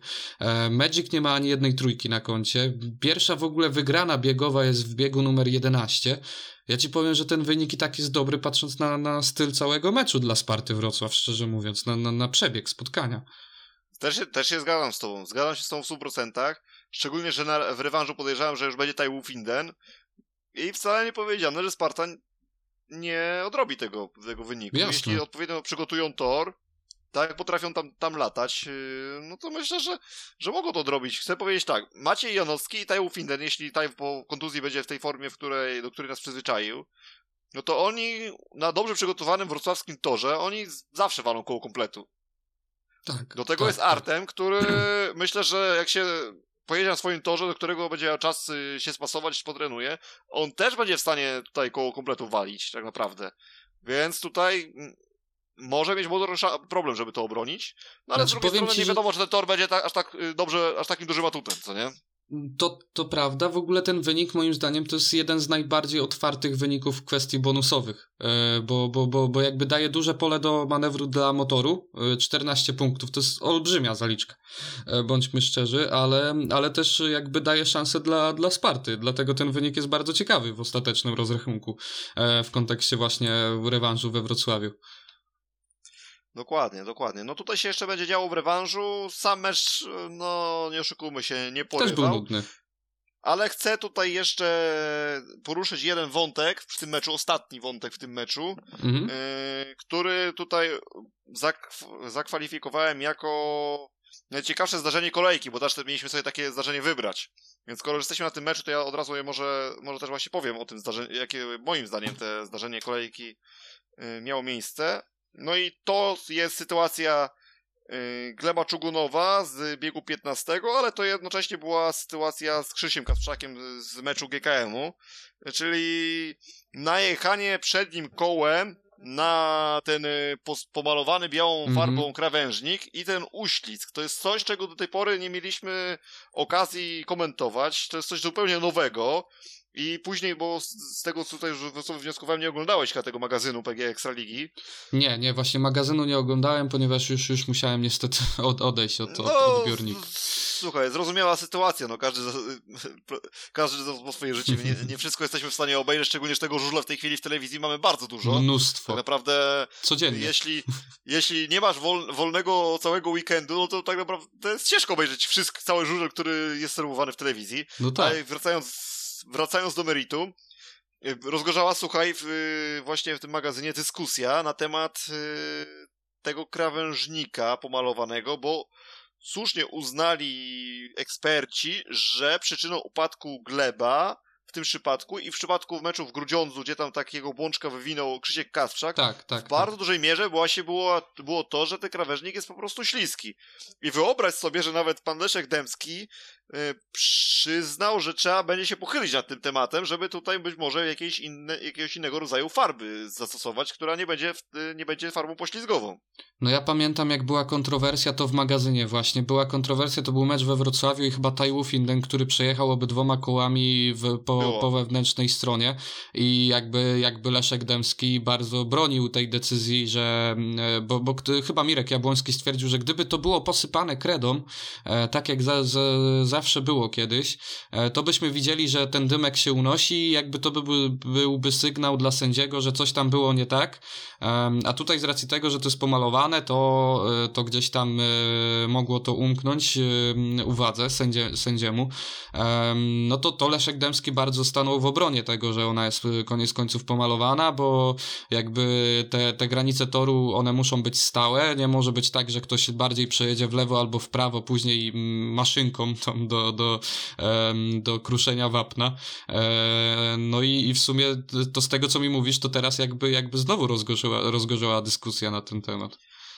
Nie wiesz, co ci powiem, jeśli chodzi o te sypanie tego krawężnika, no ja, ja tutaj choć często można się z Leszkiem Dębskim nie zgadzać, tak tutaj ja chyba stanę też w jego obronie troszeczkę, bo faktycznie no, kiedy wokół latało tumany kurzu, po, po przejechaniu tego krawężnika, to faktycznie ciężko było jednoznacznie stwierdzić, czy ten zawodnik przyjechał ten krawężnik, czy nie. W tej chwili takiej dyskusji nie ma, tylko faktycznie z, powiedzmy ta czujność sędziego jest yy, troszeczkę wystawiona na próbę. na próbę. Tak, wystawiona na próbę. Mhm. Tylko no, powiedz sobie szczerze, no kurczę, sędzia ma być czujny cały czas, no to, to jest jakby, no nie róbmy z sędziego, wiesz, jakiegoś, nie wiem, jakiegoś gościa, który tak. nie może się skoncentrować na swojej robocie, no. Słuchaj, no, przychodzisz na mecz, masz 15... Zobacz, yy, tak naprawdę yy, ja zdaję sobie sprawę, że rola sędziego się nie ogranicza tylko do samych wyścigów, bo tam są różnego rodzaju procedury, bie między biegami też sędzia musi obserwować, jak ten tor jest gdzieś równany i tak dalej, i tak dalej. Co prawda pomaga mu w tym komisarz toru i nie tylko. Yy, no ale sytuacje, w których musi być nadmiernie, jakoś tak wyjątkowo skupiony, no trwają w ciągu meczu tak, 15 minut wyścigi plus powiedzmy po, po minutę przed każdym wyścigiem, no to masz powiedzmy pół godziny, tak? Takiego mm -hmm. naprawdę ogromnego skupienia, bo ja nie mówię, że on ma być nieskoncentrowany nie w innych częściach, ale taka podwyższona koncentracja z pół godziny. Czy naprawdę sędzia nie jest w stanie przez pół godziny się tak maksymalnie skoncentrować, żeby faktycznie na to zwracać uwagę? On nie musi do, dokładnie zobaczyć, czy zostało to przejechane, te, ten krawężnik, czy nie. On ma tylko zauważyć, że jest takie ryzyko. Że jest takie ryzyko, a później ma do dyspozycji yy, po prostu milionową yy, ilość powtórek w telewizji yy, i może to sobie na, na bieżąco pooglądać, tylko musi odnotować, że tam było blisko i, i, i to jest tyle. E, też Leszek Dębski właśnie mówił o tej mm, przewadze farby nad wapnem, e, w tym kontekście, że wapno ponoć bardzo się no tumaniło po prostu, kurzyło e, i trudno było zweryfikować, w którym momencie ktoś mógł najechać na, na, na, na, tą, e, na tą kredę, a dzięki temu, że to jest pomalowane, to jeżeli ktoś przejedzie, to tam będzie widać jednoznacznie linię koła, która przejechała po tej farbie e, i, i mówił, że wystarczy w tym momencie oddelegować e, albo komisarza toru, albo po prostu osobę gdzieś tam e, z decyzyjną w tych kwestiach e, do tego punktu, i żeby, żeby zobaczył, czy po prostu została przejechana ta linia. Także no tutaj się zgodzę. E, wiadomo, mm, też nawet tydzień temu się śmialiśmy z tego, że, że, że jakby trzeba empatycznie podchodzić do tego wszystkiego, ale to są akurat pomyłki, które trudno w ogóle bronić, szczerze mówiąc. Dokładnie, jest tego samego zdania. I nawet teraz e, chociażby ta sytuacja z Glełem Czugunowem pokazała, że faktycznie ten ślad na krawężniku się pojawia, więc Mhm. tutaj Leszek Dębski miał rację i, i pod tym względem fajnie, gdyby gdyby znaleziono właśnie receptę na to, żeby ten krawężnik nie był poślizgowy, ale jednocześnie, żeby te tumany kurzu Mhm. do góry się nie unosiły. Czyli inny Także- rodzaj farby zastosować. Mniej Tak, tak, tak, tak, śliski. tak, tutaj zasugerował, tak zasugerował e, Leszek Dębski. Czy to Mhm. będzie coś, co całkowicie zamknie problem? Nie wiem, Mhm. być może tak. E, Oby, oby tak było, oby, za, udało, oby faktycznie ten temat nie został zdmuchnięty gdzieś na bok, żeby faktycznie się ta sytuacja po raz trzeci nie, nie, nie zdarzyła, bo powiedzmy jeszcze, że upadek Czugunowa, Kasprzaka nie był jakiś tam strasznie groźny, nic się poważnego nie wydarzyło, ale w którymś momencie może faktycznie Tak. dojść do jakiejś groźnej sytuacji w związku A z tym. trzeba dmuchać jakby w tym sporcie już mamy wystarczająco dużo e, niebezpieczeństw, żeby jeszcze narażać na następne zawodników. Więc, Dokładnie. więc y, tak, tu, tu się zgodzę. I cóż, Mówiąc o, i, mówiąc o niebezpieczeństwie, ja tylko jeszcze tutaj jedno, jedno wtrącenie. Mhm. Y, No tutaj też powiedzmy sobie, że dzisiaj fatalny upadek Andrzeja Karpowa miał miejsce yy, na treningu w Grudziądzu. Nie wiem, czy czytałem, słyszałeś, bo to dosyć świeża. Patrz, patrząc na to, kiedy my to nagrywamy, bo przypomnę, nagrywamy to we wtorek. To świeża sprawa, nie wiem, czy już to widziałeś. nie, nie widziałem Yy. Andrzej Karpow dostał tak poważnego upadku, że z toru został, z tego co tutaj media donoszą, prze, przetransportowany do szpitala i prosto trafił na salę operacyjną. Ponoć złamanych 9 żeber. Yy, ponoć są jakieś urazy wewnętrzne, także tutaj jest tak naprawdę jest opis, że to jest ciężki stan. Więc miejmy nadzieję, że lider, yy, teory, no, domniemany lider Stali Rzeszów, no nie, że to się wszystko potoczy jak najlepszym Mhm. tokiem, że to nie, nie wydarzyło się nic poważnego, no bo no każda, no każdy taki upadek no, jest dla nas bolesny. Już nawet nie chodzi o, o, o dys- poziom sportowy ligi, bo to akurat mówimy o drugiej lidze żużlowej, ale przede wszystkim o, o to, że to są jednak ludzie, no i ich po prostu po ludzku szkoda. Tak, tak. Tutaj na, na każda taka sytuacja boli i jakby to jest też, e, może tak szybko mm, dopowiem, że, że to jest duże piękno z tego sportu, ale, ale bardzo brzydkie piękno, że jakby zawodnicy wyjeżdżający na tor naprawdę walczą e, mm, no, o dużą stawkę, ryzykują bardzo mocno, są, jest to bardzo efektowne i bardzo, bardzo jakby emocjonujące, ale, ale jakby no nie można zapominać, że, że jest to jeden z najbardziej niebezpiecznych w ogóle sportów motorowych e, z tego, co, co, co mi wiadomo, więc e, gdzieś tam wiadomo, że są większe ekstrema ty, typu e, wyścig Isle of lub, lub inne takie e, też, też e, turnieje i wyścigi, ale, ale no trzymamy kciuki w takim razie, ponieważ no, no, no, no chcemy, żeby, żeby walczyli naprawdę na żyletki, ale, ale jednocześnie nigdy nie, e, nie chcemy oglądać takich obrazków, no i mam nadzieję, że, że tutaj Ukraińcowi e, z Ukraińcem wszystko będzie w porządku e, i że Andrzej wróci do, do, do ścigania w jakiejś niedalekiej przyszłości, ale jeżeli ty tu mówisz o, o gdzieś tam em, połamanych ilu? Sześciu, dziewięciu? E, Dziewięciu żebrach, tak, tak, to, tak, tak, to jest informacja Mhm. podana. no to, to, to raczej, raczej mm, gdzieś tam nie, nie, nie wydarzy się zbyt szybko, no ale, ale, ale życzymy zdrowia na pewno. Tak, dziewięciu żeber. I- no i co, w takim razie no nam pozostaje trzymać kciuki za Andrzeja, wierzącym yy, modlitwa, a jeśli modlitwa, no to oczywiście nad- pod Jasną Górą, gdzie mieliśmy w niedzielę okazję, przepraszam, w sobotę, o, mieliśmy Tak, okazję oglądać rywalizację pomiędzy Eltros Księża Częstochowa a Marwis.pl Falubazem Zielona Góra. Mecz, który, o którym mówiliśmy, że zdecydowanym faworytem jest Włókniarz, no zresztą ty tak chyba mówiłeś, ja tam stawiałem y, oczywiście tak trochę patriotycznie 4-4-4-6 dla Falubazu. Ty nie pamiętam jaki dokładnie wynik powiedziałeś, nawet Ja nie jestem pewien, czy to nie czy te 4-9-4-1 nie, nie, wywróżyłeś. 48-42 bodajże e, powiedziałem, ale pamiętam, że, że jakby mm, po tym meczu z Grudziądzem u siebie Falubazu mm, nie, nie stawiałem tam jakiegoś bardzo e, jednostronnego wyniku. Na, na, na 100%. No tak, ale jednak obaj byliśmy, zgo- o, jednak byliśmy zgodni, że jednak faworytem jest Włókniarz i tutaj no, teoretycznie sprostali oczekiwaniom, aczkolwiek patrząc na to, co było po 13 wyścigu i na to, że Falubas się troszeczkę chyba powolutku rozpędzał, tu Mhm. mogło być, powiem ci szczerze, różnie, gdyby nie ten defekt y, Żagara w 14 wyścigu. Mhm. No i E, pomijam też to, jak się Piotr Protasiewicz bardzo łatwo dawał bierzeć, niczym, niczym junior, no to troszeczkę też trzeba to podkreślić, ale z drugiej strony, no też Piotra można w jakiś tam sposób usprawiedliwić, no że jednak był po No bardzo, też po upadku.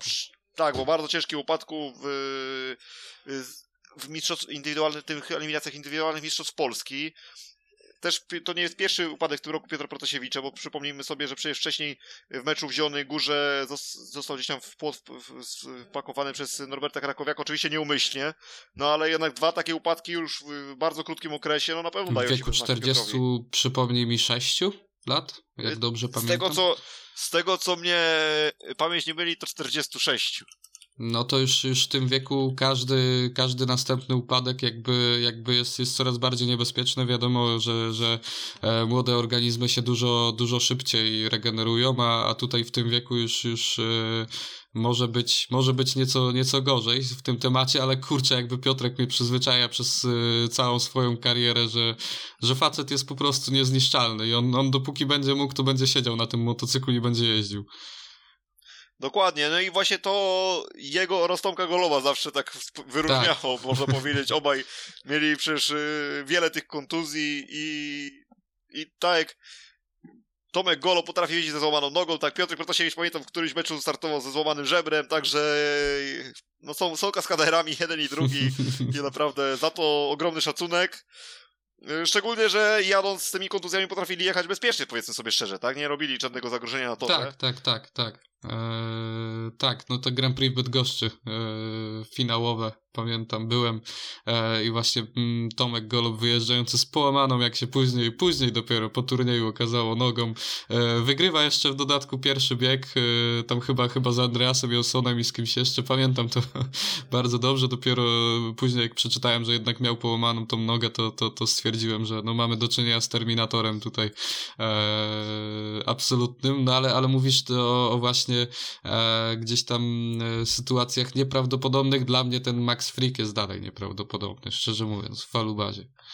No, Max Freak to jest rzeczywiście objawienie. Jeszcze wiesz, gdyby tylko jed, jeden mecz mu wyszedł, a już wyszły mu trzy mecze, więc Tak. to już świadczy o tym, że chyba faktycznie to będzie sezon tego Australijczyka. No, wiadomo, po trzech kolejkach każdy mówi, że za wcześnie na wnioski, ale naprawdę w tym zawodniku widać ogromny potencjał. Przede wszystkim mam wrażenie, że on bardzo mądrze jeździ. To jest dla mnie takie, takie fajne, że nie, nie tylko, że jest Mhm. szybki, ale bardzo przemyślana jest ta jego jazda. On kiedy trzeba po krawężniku, on jedzie po krawężniku. Kiedy jedzie po dłużej, trzeba jechać po dłużej, on jedzie po dłużej. Kiedy trzeba czekać na kolegę, no to gdzieś tam z tym Matejem Żagarem w jednym biegu, nie wiem czy kojarzysz, sobie y, pomagali, ładnie 5 przywieźli. Nie było już żadnych w ogóle ekscesów jak w Toruniu, tylko naprawdę tam ładnie sobie powspółpracowali na torze. Mhm. I muszę przyznać, że ten Max bardzo mi się podoba, właśnie to, ta jego głowa, te, te myślenie na torze, to jest, to jest fajne, praktycznie błędów nie popełnia. Jeśli z kimś przegrywa, no to dlatego, że był wolniejszy, a nie dlatego, że gdzieś tam, wiesz, orbitował nie tam, gdzie trzeba. Tak, tak, tak. I, i jakby też, też mierzy siły na zamiary, nie ma, nie ma jakichś e, niebezpiecznych sytuacji. E, jakby opanowanie motocykla jest, jest, jest e, dość istotne w jego przypadku. No też, też fajne wyniki trójki po prostu zawodników, czyli Maxa, do tego Matej dorzuca 9 plus 2, szkoda tego defektu. Em, Patryk 10 punktów w pięciu startach. E, no, no ci powiem, że najbardziej w tym wszystkim też Jakub Osyczka e, swoją drogą dodam też, też fajny, fajny e, występ, ale jakby Damian Pawliczak, jak, jak pamiętam, że wychwalaliśmy go, e, nawet, nawet był tam kozakiem kolejki, bodajże moim, e, tej, tej pierwszej, łamanej przez drugiej, bo to była druga kolejka, był, był kozakiem kolejki, tak tutaj widać, że na tle silniejszego rywala, jeszcze, jeszcze w dodatku na wyjeździe już, już nie jest tak, tak prosto te punkty. No dokładnie, no to jednak e, żużel jest o tyle specyficzny, że tutaj no jednak mecz domowy, a mecz wyjazdowy to jest przepaść czasami. Tak, to nie jest jak w piłce nożnej, prawda? Czy tam e, innych sportach, e, dajmy na to, halowych, e, gdzie jakby rozmiary boiska albo są takie same, albo, albo podobne, gdzie, gdzie no, wydaje mi się, że po prostu tor żużlowy różni się dużo bardziej niż, niż boiska. Oczywiście tutaj nie ma w ogóle pola do dyskusji, jeśli to z tym, o, czym mówisz. Wiadomo, że są różnice, no ale, ale faktycznie nie jakieś, nie jakieś tam absurdalnie duże. No zresztą po wynikach widać, że jednak w piłce nożnej też te mecze do, domowe, wyjazdowe mają znaczenie, bo tak, no, tak, jest tak. tendencja taka, że jednak w domu, na domowych meczach się wygrywa tych meczów więcej, no ale, ale faktycznie w żużlu to jest jakby no je, jeśli chcesz osiągnąć dobry wynik i przegrasz jakiś mecz albo zremisujesz u siebie, u siebie. To, to, to, już, to już jest źle, tak? To, to tak. zwyczajnie źle. Tak. I, I właśnie w przypadku Włókniarza mogło być źle, no ale pojawił się Fred Kalingren. No i właśnie to jest największa rehabilitacja yy, też, też jakby czapki z głów, bo pamiętam. Był ostatnio u nas, u nas był kadetką kolejki w zeszłym roku, tak, w zeszłym tygodniu, tak. dwa, dwa odcinki temu, prawda? Po drugiej kolejce. Tak, tak, tak. I mówiliśmy, że jeżeli on nie wróci do składu e, włókniarza, to, to może być problem. Jednak wraca i, i, i wraca bardzo dobrze. 13 punktów tylko w tym, w tym ostatnim biegu e, przywozi jedynkę. No tak, no, no mówię, rehabilitacja totalna i e, no i fajnie, że wraca koniec końców. Chociaż ty, ty raczej się tak nie cieszyłeś z tego. zapewne. No ja, ja, ja zapewne nie. Chciałem tylko tutaj powiedzieć, że yy Fredka pojechał, no ale Kasper Woryna został tutaj na swoim poziomie, niestety tym -hmm. niskim. E, I tutaj chciałbym zauważyć, że chyba tutaj menedżerzy tutaj z Lublina i tutaj z Piotrkiem Świderskim chyba się umówili na to, że dajemy szansę tym swoim yy, nie, no niezbyt dobrze jadącym Polakom, aż, aż w końcu nie zaczną jechać. No, bo tutaj widzimy, że był Świdnicki, był Miśkowiak, no Miśkowiak może mniej, ale Świdnicki, no, no myślę, że pokazał jednak mimo wszystko w ciągu tych trzech biegów trochę więcej na torze niż, niż Kasper Woryna w ciągu tych czterech. Mhm. No i, i, nie dostał szansy, no. Z, znowu pytanie dlaczego, no. Czy szukamy faktycznie tej szansy, tego, tej formy Kaspra Woryny? Wiesz, początek sezonu, może chcą go na siłę rozjeździć. No, no, może no ale, tak zobacz, ale, ale powiedz, czy wydaje ci się, że PGA Ekstraliga w meczu, który jest tak mocno wyrównany. Na styku, prawda. Czy to, czy to jest dobry moment, żeby dawać tej czas Kasprowi? A co gdyby jednak Falubas, ten Jagar nie miał tego defektu w tym 14 wyścigu i jednak ten Falubas wyjechałby zwycięski z no tak. albo, chociaż, albo chociaż remis. Czy wtedy by na Piotra Świderskiego się fala krytyki nie wylała, że on tego Worynę nie zmienił?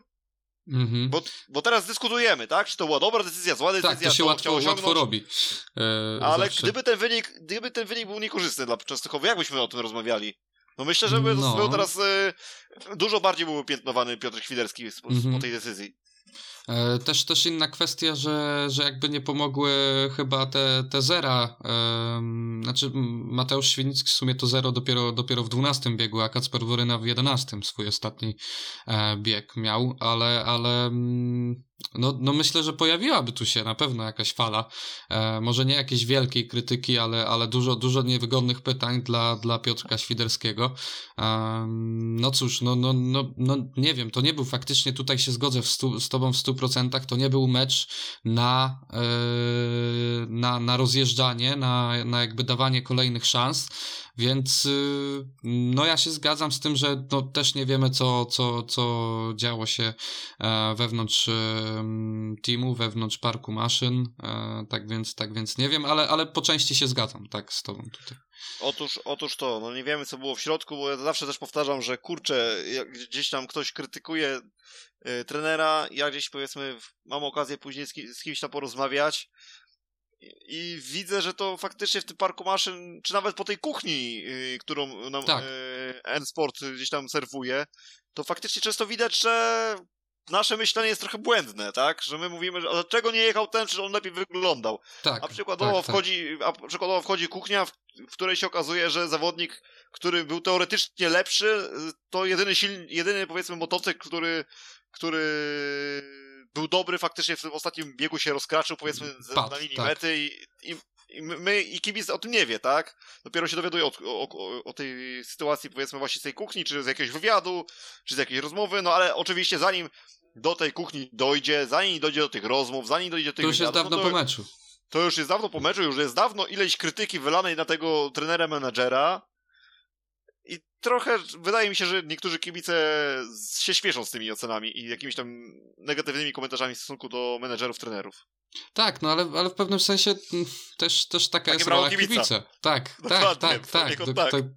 tak, tak, jest, bo, bo, bo jakby mm, też ja mam wrażenie, że czasami aż nazbyt próbujemy e, usprawiedliwić pewne działania, e, że, że w sumie no to, to wiesz, nie, nie jesteśmy ekspertami, e, nie mogę się wypowiadać, nie wiem wszystkiego, a czasami rzeczy też są bardzo proste e, i, i jakby mm, zawodnicy i trenerzy i w ogóle e, wszystkie osoby gdzieś tam, gdzieś tam związane z żużem też popełniają błędy. I gdyby nie to, że tyle się o tych błędach mówi, że to wy, wyzwala tyle jakby emocji wśród kibiców, e, nie byłoby to tak często oglądane i, i nie byłoby po prostu żużla bez tych kibiców, jeżeli nie byłby, nie byłby tak emocjonujący, tak więc e, nie, moim zdaniem tutaj e, taka, jest, taka jest rola kibica, takie, takie jest jego zadanie, żeby, żeby jakby komentował to wszystko, o ile jest to wszystko w, w jakby granicach zdrowego rozsądku, bo czasami jakby bardzo mocno od- odróżniam jakby krytykę od y, fali hejtu takiej bezpodstawnej, bo tego akurat nigdy, e, nigdy nie jestem w stanie zrozumieć, jak, jak można aż, aż tak e, aż tak e, ranić w sumie tak naprawdę inne osoby, także bądźmy, bądźmy krytyczni, ale jednocześnie empatyczni, o. A propos, a, propos, a propos krytyki, nie wiem, czy widziałeś dzisiejszy artykuł z przeglądu sportowego yy, tutaj autorstwa redaktora Mateusza Puki yy, o krytyce ze strony kibiców Sparty Wrocław. Mm, Odnośnie właśnie Gleba Czugunowa i, i Darka Śledzia, czy, czy, czy, czy jaka sytuacja? Yy, tutaj wiesz co, była krytyka pod momencik, Mhm. sobie tylko przypomnę szczegóły, żeby tutaj nie wprowadzić cię w błąd. Yy, po ostatnim meczu, przeczytam ci, cy- cytuję, Tak. Po ostatnim meczu grupka fanatyków Betar Sparty Wrocław postanowiła złożyć petycję o odsunięcie od komentowania meczów Kanał Plus Krzysztofa Cegielskiego. A, tak, Powód dobra. krytyka ich zespołu po bardzo słabym meczu. Tak, tak, ja to, ja to widziałem, akurat myślałem, że do czegoś innego pijesz, ale tak, tak, widziałem tą, tą petycję. jest ona co najmniej jakby, jakby śmieszna i to jest chyba jedyne słowo, którego użyję. Eee, Ale bo- to dobrze, humoru w sporcie trzeba jak najwięcej i takich humorystycznych właśnie elementów. Tak, tak, tak. Y, Ja mam nadzieję, że ta osoba, która, która jakby tą petycję składała, w sensie była, była autorem tej petycji, też miała jakby takie humorystyczne pobudki w sobie, bo, bo ja inaczej tego nie jestem w stanie potraktować. Tym bardziej, że jakby dużo się mówi w środowisku gorzowskim, wiesz, też o Krzysiu Cegielskim, że, że jakby bardzo często się niepochlebnie wypowiada e, na temat klubu z Gorzowa, jakby nie docenia tego, że, że jest wychowankiem, że był wychowankiem tego klubu. E, To też są dla mnie śmieszne kwestie. Ja, ja tam, jeżeli chodzi o Krzysieka Cegielskiego, to darzę go absolutnie e, dużym szacunkiem i, i wydaje mi się, że jest jedną właśnie, tak jak dzisiaj już wspomniałeś, jedną z osób, które, która e, jako pierwsza powie niewygodną prawdę, ale się nie będzie tego obawiać. Dokładnie, ale też chyba nie pierwszy raz tutaj y, Krzyśka Cegielskiego tutaj wyróżniamy za, za to, że jest prawdziwym ekspertem. Tutaj można go, tutaj tego słowa można użyć bez y, cudzysłowia, absolutnie, w, przypadku, w przypadku Krzyśka. Y, A jeszcze tylko powiem y, słówko, jeszcze ci, że jeśli chodzi o tą petycję, jeśli ona była przez tego kibica pisana, gdzieś tam wypuszczana w celach hu- humorystycznych, się śmiejemy. Jeśli była w innych celach, to powiem ci, że to jest wówczas chyba jeszcze bardziej śmieszne w tym To, układzie. to jest śmieszne, dlatego mówię, to jest jedyne słowo, którego ja, ja tutaj e, użyję, ale słuchaj, może, może ktoś jeszcze napisze petycję o to, żeby, żeby zamknąć nasz, nasz podcast, bo tak się niepochlebnie wypowiadamy. E, a widać, że kibiców to boli. No ale nie, no po prostu, no widzisz, ja, ja też z perspektywy gdzieś tam e, gorzowskiego kibica i były takie sytuacje, naprawdę, gdzie, gdzie Krzysiek się, się tak e, momentami średnio na temat e, stali, ale ale no jakby, jakby też widziałem w tym rację jeżeli ktoś stoi po stronie własnego klubu zawsze, niezależnie e, co się dzieje i kompletnie bez żadnych jakby, jakby wiesz, e, przemyśleń na ten temat, to, to, to jest też smutne w pewnym sensie po prostu. A mówiąc tak o Stali, to może porozmawiamy o jej meczu też przy okazji, co? Co ty na to? Mm, Z wielką chęcią. tak, tak, ci, tak ci powiem, że z wielką chęcią e, na ten temat mogę porozmawiać, bo, bo, bo, bo no widzisz, byłem bardzo sceptycznie nastawiony, jakby nauczony A mówiłem ci? Mówiłem ci? Tak, a jaki to wynik tam stawiałeś, bo nie Yy, pamiętam. czte- czte- 40-50 i byłeś zdziwiony, że aż tak dużo daje. Tak, tak, tak. Ja tam 4-3, 4-7 chyba e, dałem, bo, bo no kurczę, no wiesz, to była pierwsza nasza wygrana od momentu powrotu Ja Grudziądza do wiem. Ekstraligi, nie? Na, na, na... Ja wiem, ale zo, ale przypomnę. Yy, Ja ci po, przypomnę, powiem ci kilka słów, yy, które udowodnią ci, że to nie mogło się inaczej skończyć. I już, już, już zaczynam mówić te słowa. Krzysztof Kasprzak, Kenneth Bier, yy, Norbert Krakowiak może nawet też. Myślę, że te, trzy, te sześć słów powinno wystarczyć, żeby zrozumiał, że No to No. szczególnie te dwa pierwsze, ja bym powiedział. A- A, Mm. no, szczególnie te dwa pierwsze. No w sumie Norbert 5 plus 1 jako u zawodniku 24 to w sumie nie, To już można, tak to się, nie można się czepiać, nie? Ta trójka jeszcze, wiesz, to, to, to, to nie, było, nie było złe, ale widać, że Krzyśka chyba e, trema e, e, zjadła przed zawodami z, z e, swoimi dotychczasowymi znajomymi e, z toru, z klubu, bo, bo no, ten piruet na, na wejściu w ten łuk pierwszy i w ogóle, no, no, no, no przewiózł tylko Jasińskiego, tak naprawdę. Bo, bo, bo tak to wyglądało, wygrał tylko, tylko z Wiktorem Jasińskim, reszta same, same zera, więc... więc Albo aż. no, Mm, Albo aż, albo aż, no w sumie, w sumie właśnie rozumiem, rozumiem twój, twój zamysł, jeżeli, jeżeli w takiej formie jest Krzysztof, to może albo aż, ale, ale no, no też pokazywał już w tym sezonie, że potrafi większe punkty przywozić, a Kenneth Bierę, no jakby, jakby pięć punktów w czterech startach, dramatu nie ma, chociaż jest. Jest, oczywiście, że jest. Chociaż jest, w sumie, prawda. Damianie, no Kenneth Bier, już przed chwilą o nim rozmawialiśmy, że no więcej się od niego oczekuje, a on y, idąc dalej robi jeszcze gorszy wynik i teraz ci powiem, z kim on wygrał. Y, W pierwszym swoim starcie wygrał z Kamilem Pytlewskim, w drugim, wy- w drugim starcie wygrał z Wiktorem Jasińskim No tak, to jest i- ten, ten bieg co Krzysiek i- też. i to są wszyscy rywale, których pokonał Kenneth Bier w tym meczu. No tak, nie, no, no, no dobrze, dobrze. To, to jest dramat. Faktycznie ta punktówka może nie wskazywać aż na taki dramat, ale, ale, ale no, no, no, no mówię, no ten Niki Petersen, no jeszcze w tym przypadku Przemek Pawlicki, jakby długo, długo nic. I, I, I trzeba przyznać, że ten Niki Petersen w tym meczu też nie był aż taki groźny. Mm, Też nie był aż taki groźny, chociaż, y, znaczy był groźny w pewnym sensie, ja ci powiem, ale bardziej jeżeli chodzi o dosłownie, e, Ja wiem, wiem, dosłowne co ci chodzi. znaczenie e, bycia groźnym. Za, zaraz do tego dojdę swoją drogą, ale, ale Mateusz Bartkowiak, taki smaczek w tym wszystkim, bo, bo napsuł krwi e, w stali. Yy, nie, nie, nie będę ukrywał, że w momencie, kiedy jechał na prowadzeniu bodajże przed Martinem Waculikiem, Mhm. To śmiałem się bardzo i myślałem o tobie, mówię, kurczę, znowu zaraz was może wasz yy, Jak ten Nowacki zawodnik, tak, w w Rybniku, Rybniku. może was zaraz znowu skarcić. Ale wie, ci, wiesz, że o tym on- pomyślałem też? On chyba z dwa kółka wiózł tego Waculika, nie? Tak, tak, tak, tak. Nie wiem, czy nawet nie trzy, koniec końców. Yy, ale, ale tak, tak, tak. On tam, yy, powiem ci więcej, ja byłem pewien, że ten Martin go nie weźmie.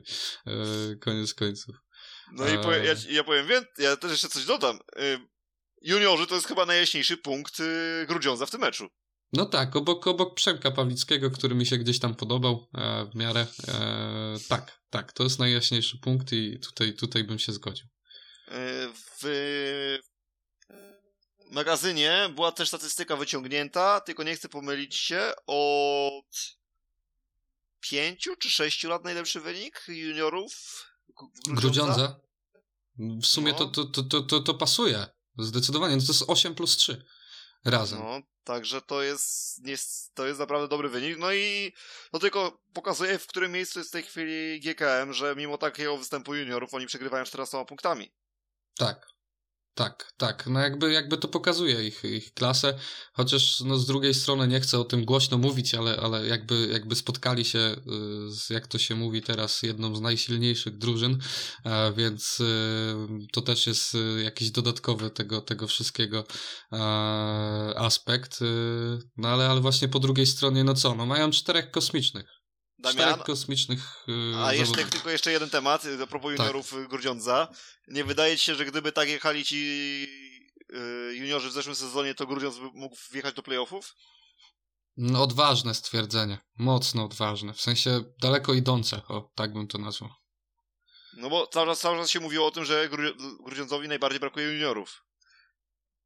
I Mm, tak, tak, tak. To od, od, od powrotu do Ekstraligi chyba nawet cały czas się o tym mówi. Tak, tak, tak, tylko wiesz, no w zeszłym roku, no już, to już miał być ten rok, tak?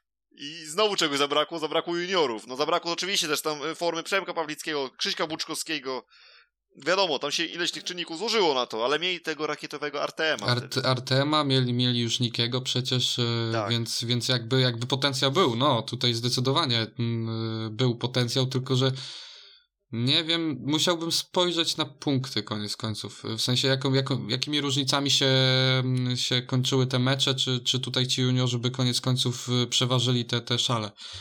Tak, przeważyliby. Być może, być może, ale to, to, już, to już jest jakiś temat gdzieś tam, gdzieś tam do, do, do, do, do dyskusji. Eee, no, mm, wiesz, może, może dobrze. Ci, wiesz co, przerwałem ci ogółem mowę Gruzio o Gorzowie, no i faktycznie przyznaję ci cztery rakiety.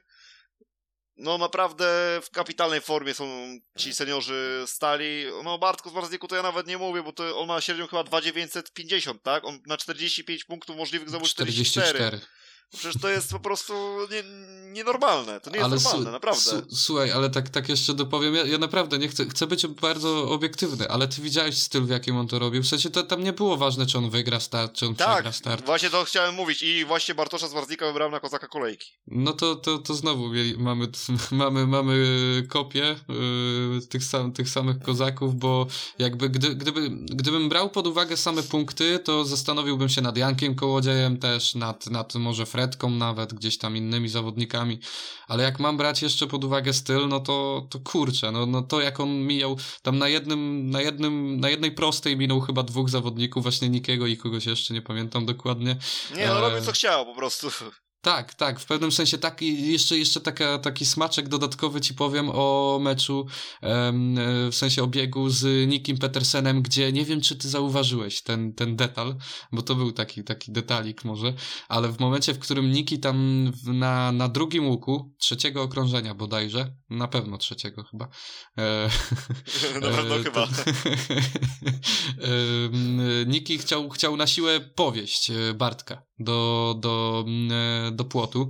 E, Bartek zdążył się założyć, oni się tam na moment nawet e, widać było, że, że dotknęli się dosłownie. Obydwaj wylądowali pod balotami tak, że Niki ledwo co w ogóle wyrobił ten łuk. Już, już tam się odbił od tych, od tych, od tej bandy dmuchanej. A Bartek w momencie, w którym to zauważył, co w, w sensie obrócił głowę w jego kierunku, spotkali się z, z wzrokiem, w sensie spojrzenie było, było dość, dość wymowne i wyprzedzając Przemka Pawickiego, który gdzieś tam się czaił już po, po małej. Jakby Bartek totalnie nie zauważył chyba tego Przemka, bo tylko sobie jeszcze raz się obrócił do, do Nikiego i pomachał tak głową, w sensie pokiwał z, z, z raczej z dezaprobatą um, koniec końców, a bardzo często robił to właśnie nie kto inny jak Niki Petersen. Nie wiem, czy to kojarzysz. Bardzo często lubił sobie tak machać głową. Bardzo często i to ja bardzo dobrze zapamiętałem, bo przecież jeszcze niedawno w Zielonej Górze jeździł i to, to było bardzo często za, zależność i to nawet nie, nie chodziło o to, że ktoś go jakoś gdzieś tam potraktował, ale yy, jak mu nie szło, pamiętam tak. ile, razy, ile razy ten nikim tą głową machał w lewo i prawo i wiedział, tak. człowiek wie, i wtedy człowiek wiedział, że coś się dzieje.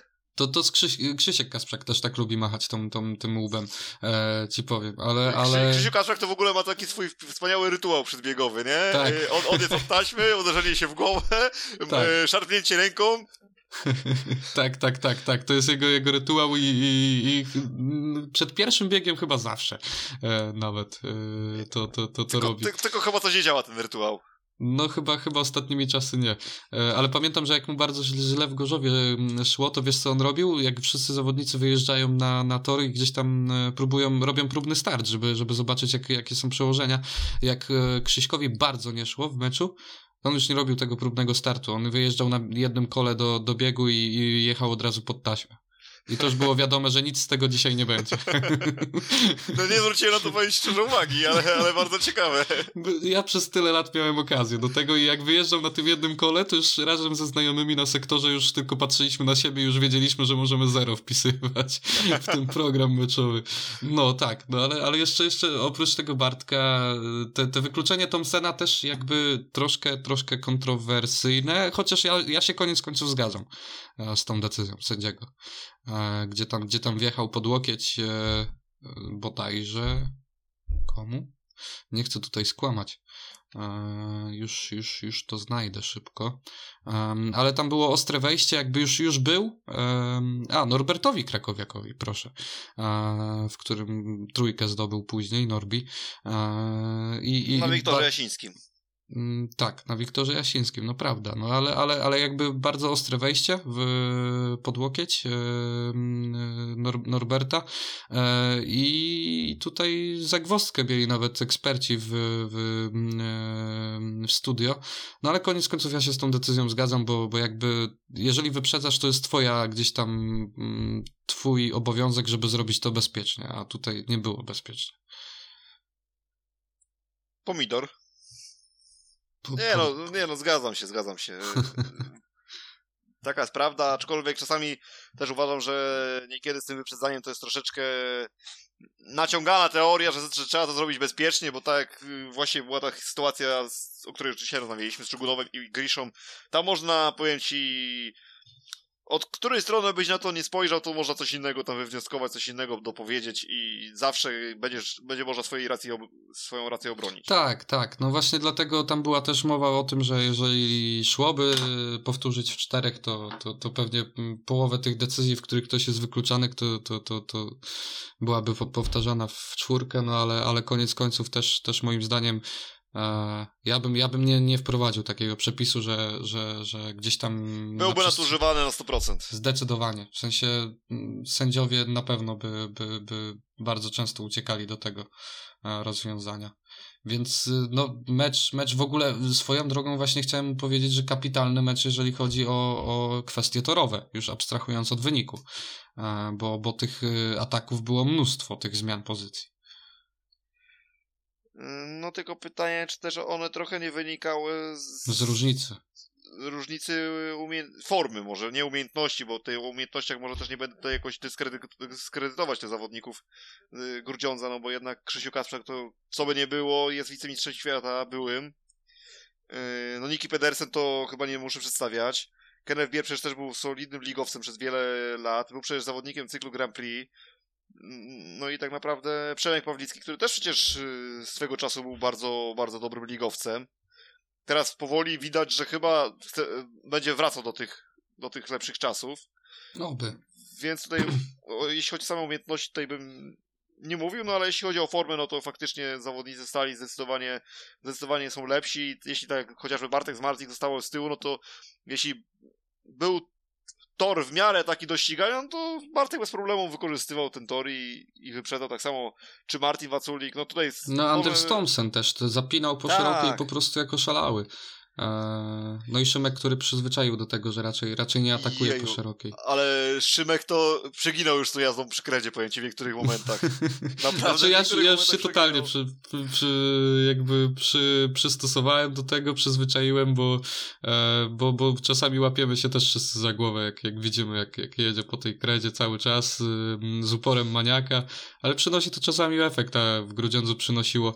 E, ja ci jeszcze tak dopowiem, od, swoją drogą Wiktor Jasi, Jasiński na plus nawet nie punktowo, tylko, tylko bardzo, stylowo. bardzo fajnie stylowo. Tak, bardzo mi się podobał po prostu e, na motocyklu. E, no i ten, ten Birkemo, Birkemosse, e, powiem ci, że to jest, to jest też taki ostatni temat, który poruszę od, odnośnie tego, tego spotkania, bo jakby debiut świetny, później 2-0, no, no, no troszkę, troszkę gorzej już to wyglądało, później ten jeden bonus, ale jeżeli, jeżeli właśnie Wspominałem ci, ci o tym, że mm, tutaj głównym mm, problemem stali może być brak tego zawodnika spod y, U24. Jeżeli Markus będzie dokładał takie jeszcze, jeszcze doszlusuje do poziomu 5-7 punktów, mniej więcej w tym przedziale, to, to naprawdę będzie torpeda i, i, i, i ta drużyna już, już będzie naprawdę mocna. Zgoda. Prawda. I, i, I, nie wiem, nie wiem czy, czy w ogóle Rafał w tym momencie śpi spokojnie, szczerze mówiąc, I, tak swoją dru I druga rzecz, y, powiedzmy sobie szczerze, i nawet bez tego super mocnego Birkemoze Stal jest, jest bardzo mocna, to, to, to, trzeba sobie powiedzieć jasno. Chłopak ma 18 lat, też, też, tak, też tak trzeba więc, przyznać. Że... Tak, więc naprawdę, no Stal jest w tej chwili naprawdę jest w gazie.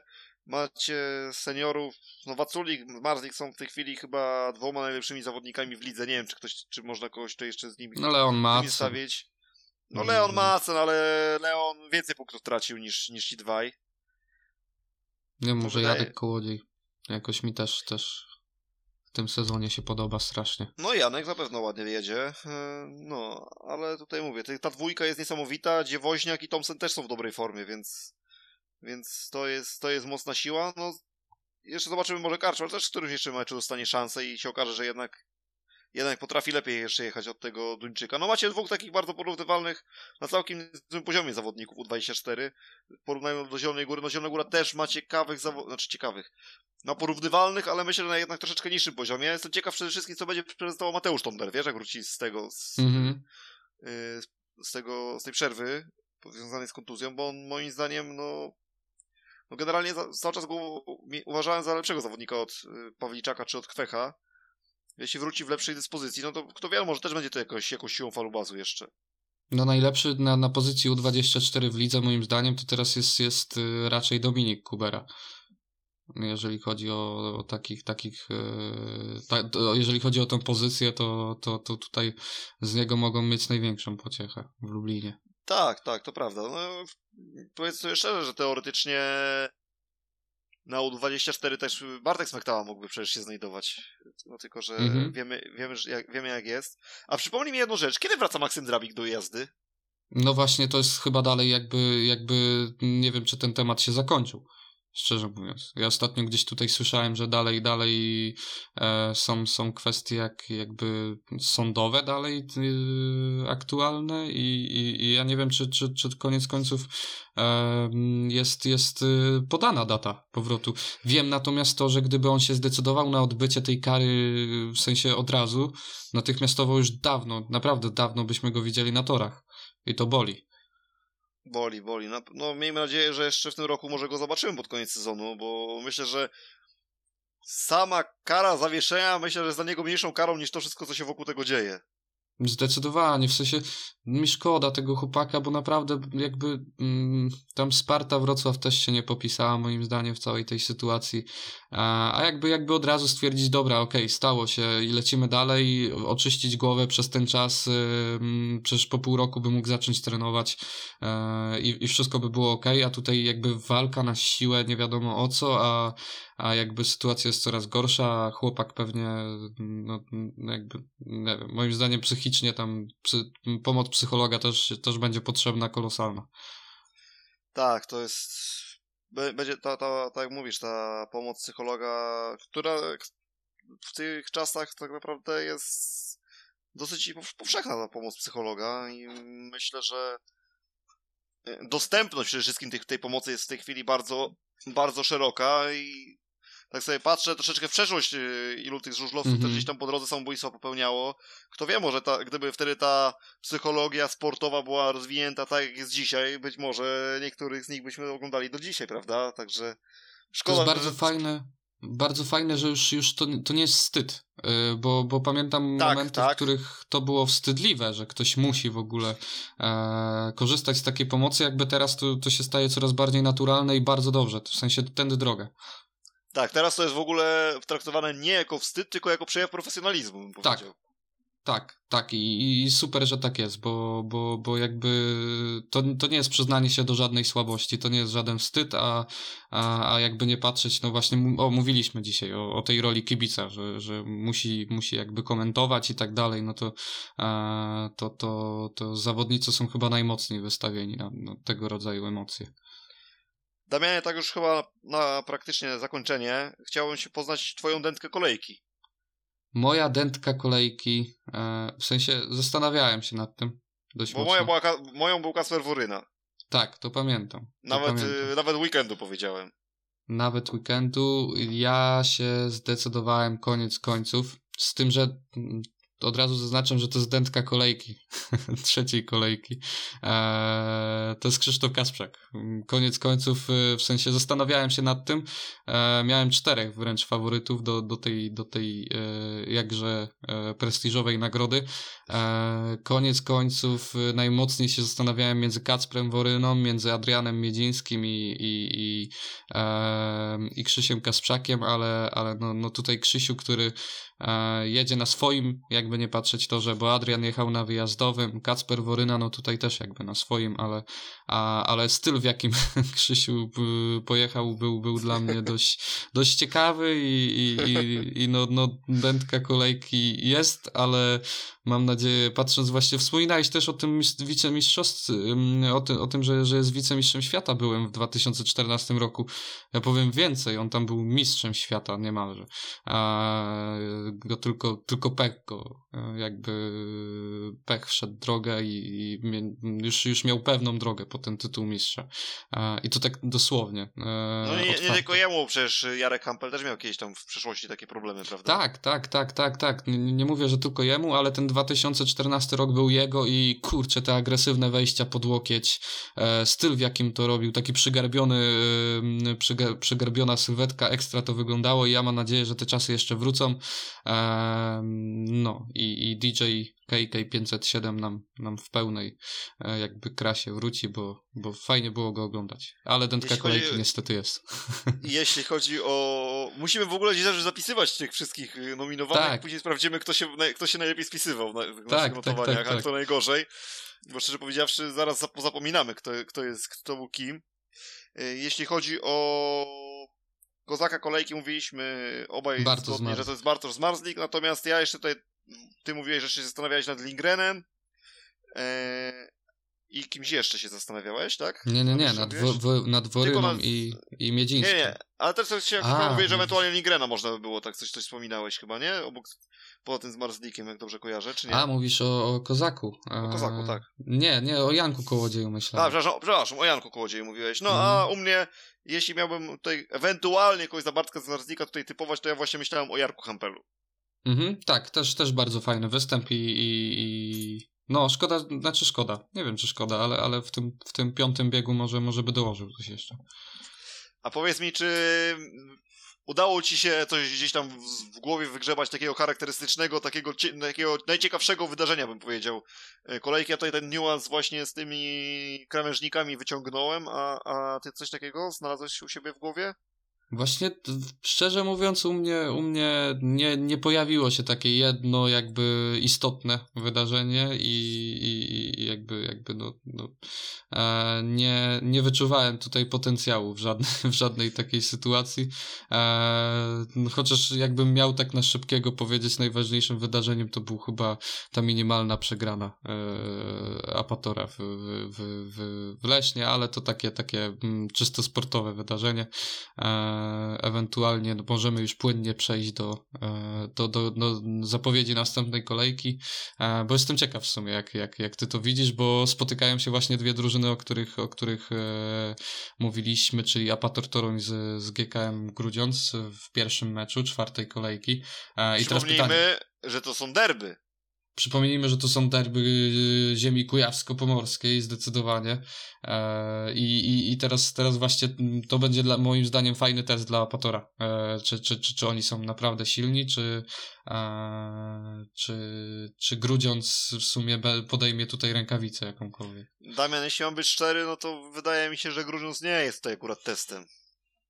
Wydaje mi się, że ten Grudziądz jest naprawdę w słabej dyspozycji. Wiem, że są, znowu powtórzę, są niby tylko trzy kolejki, ale no GKM nie daje kompletnie żadnych podstaw do tego, żeby dawać im jakiekolwiek szanse w tym Toruniu.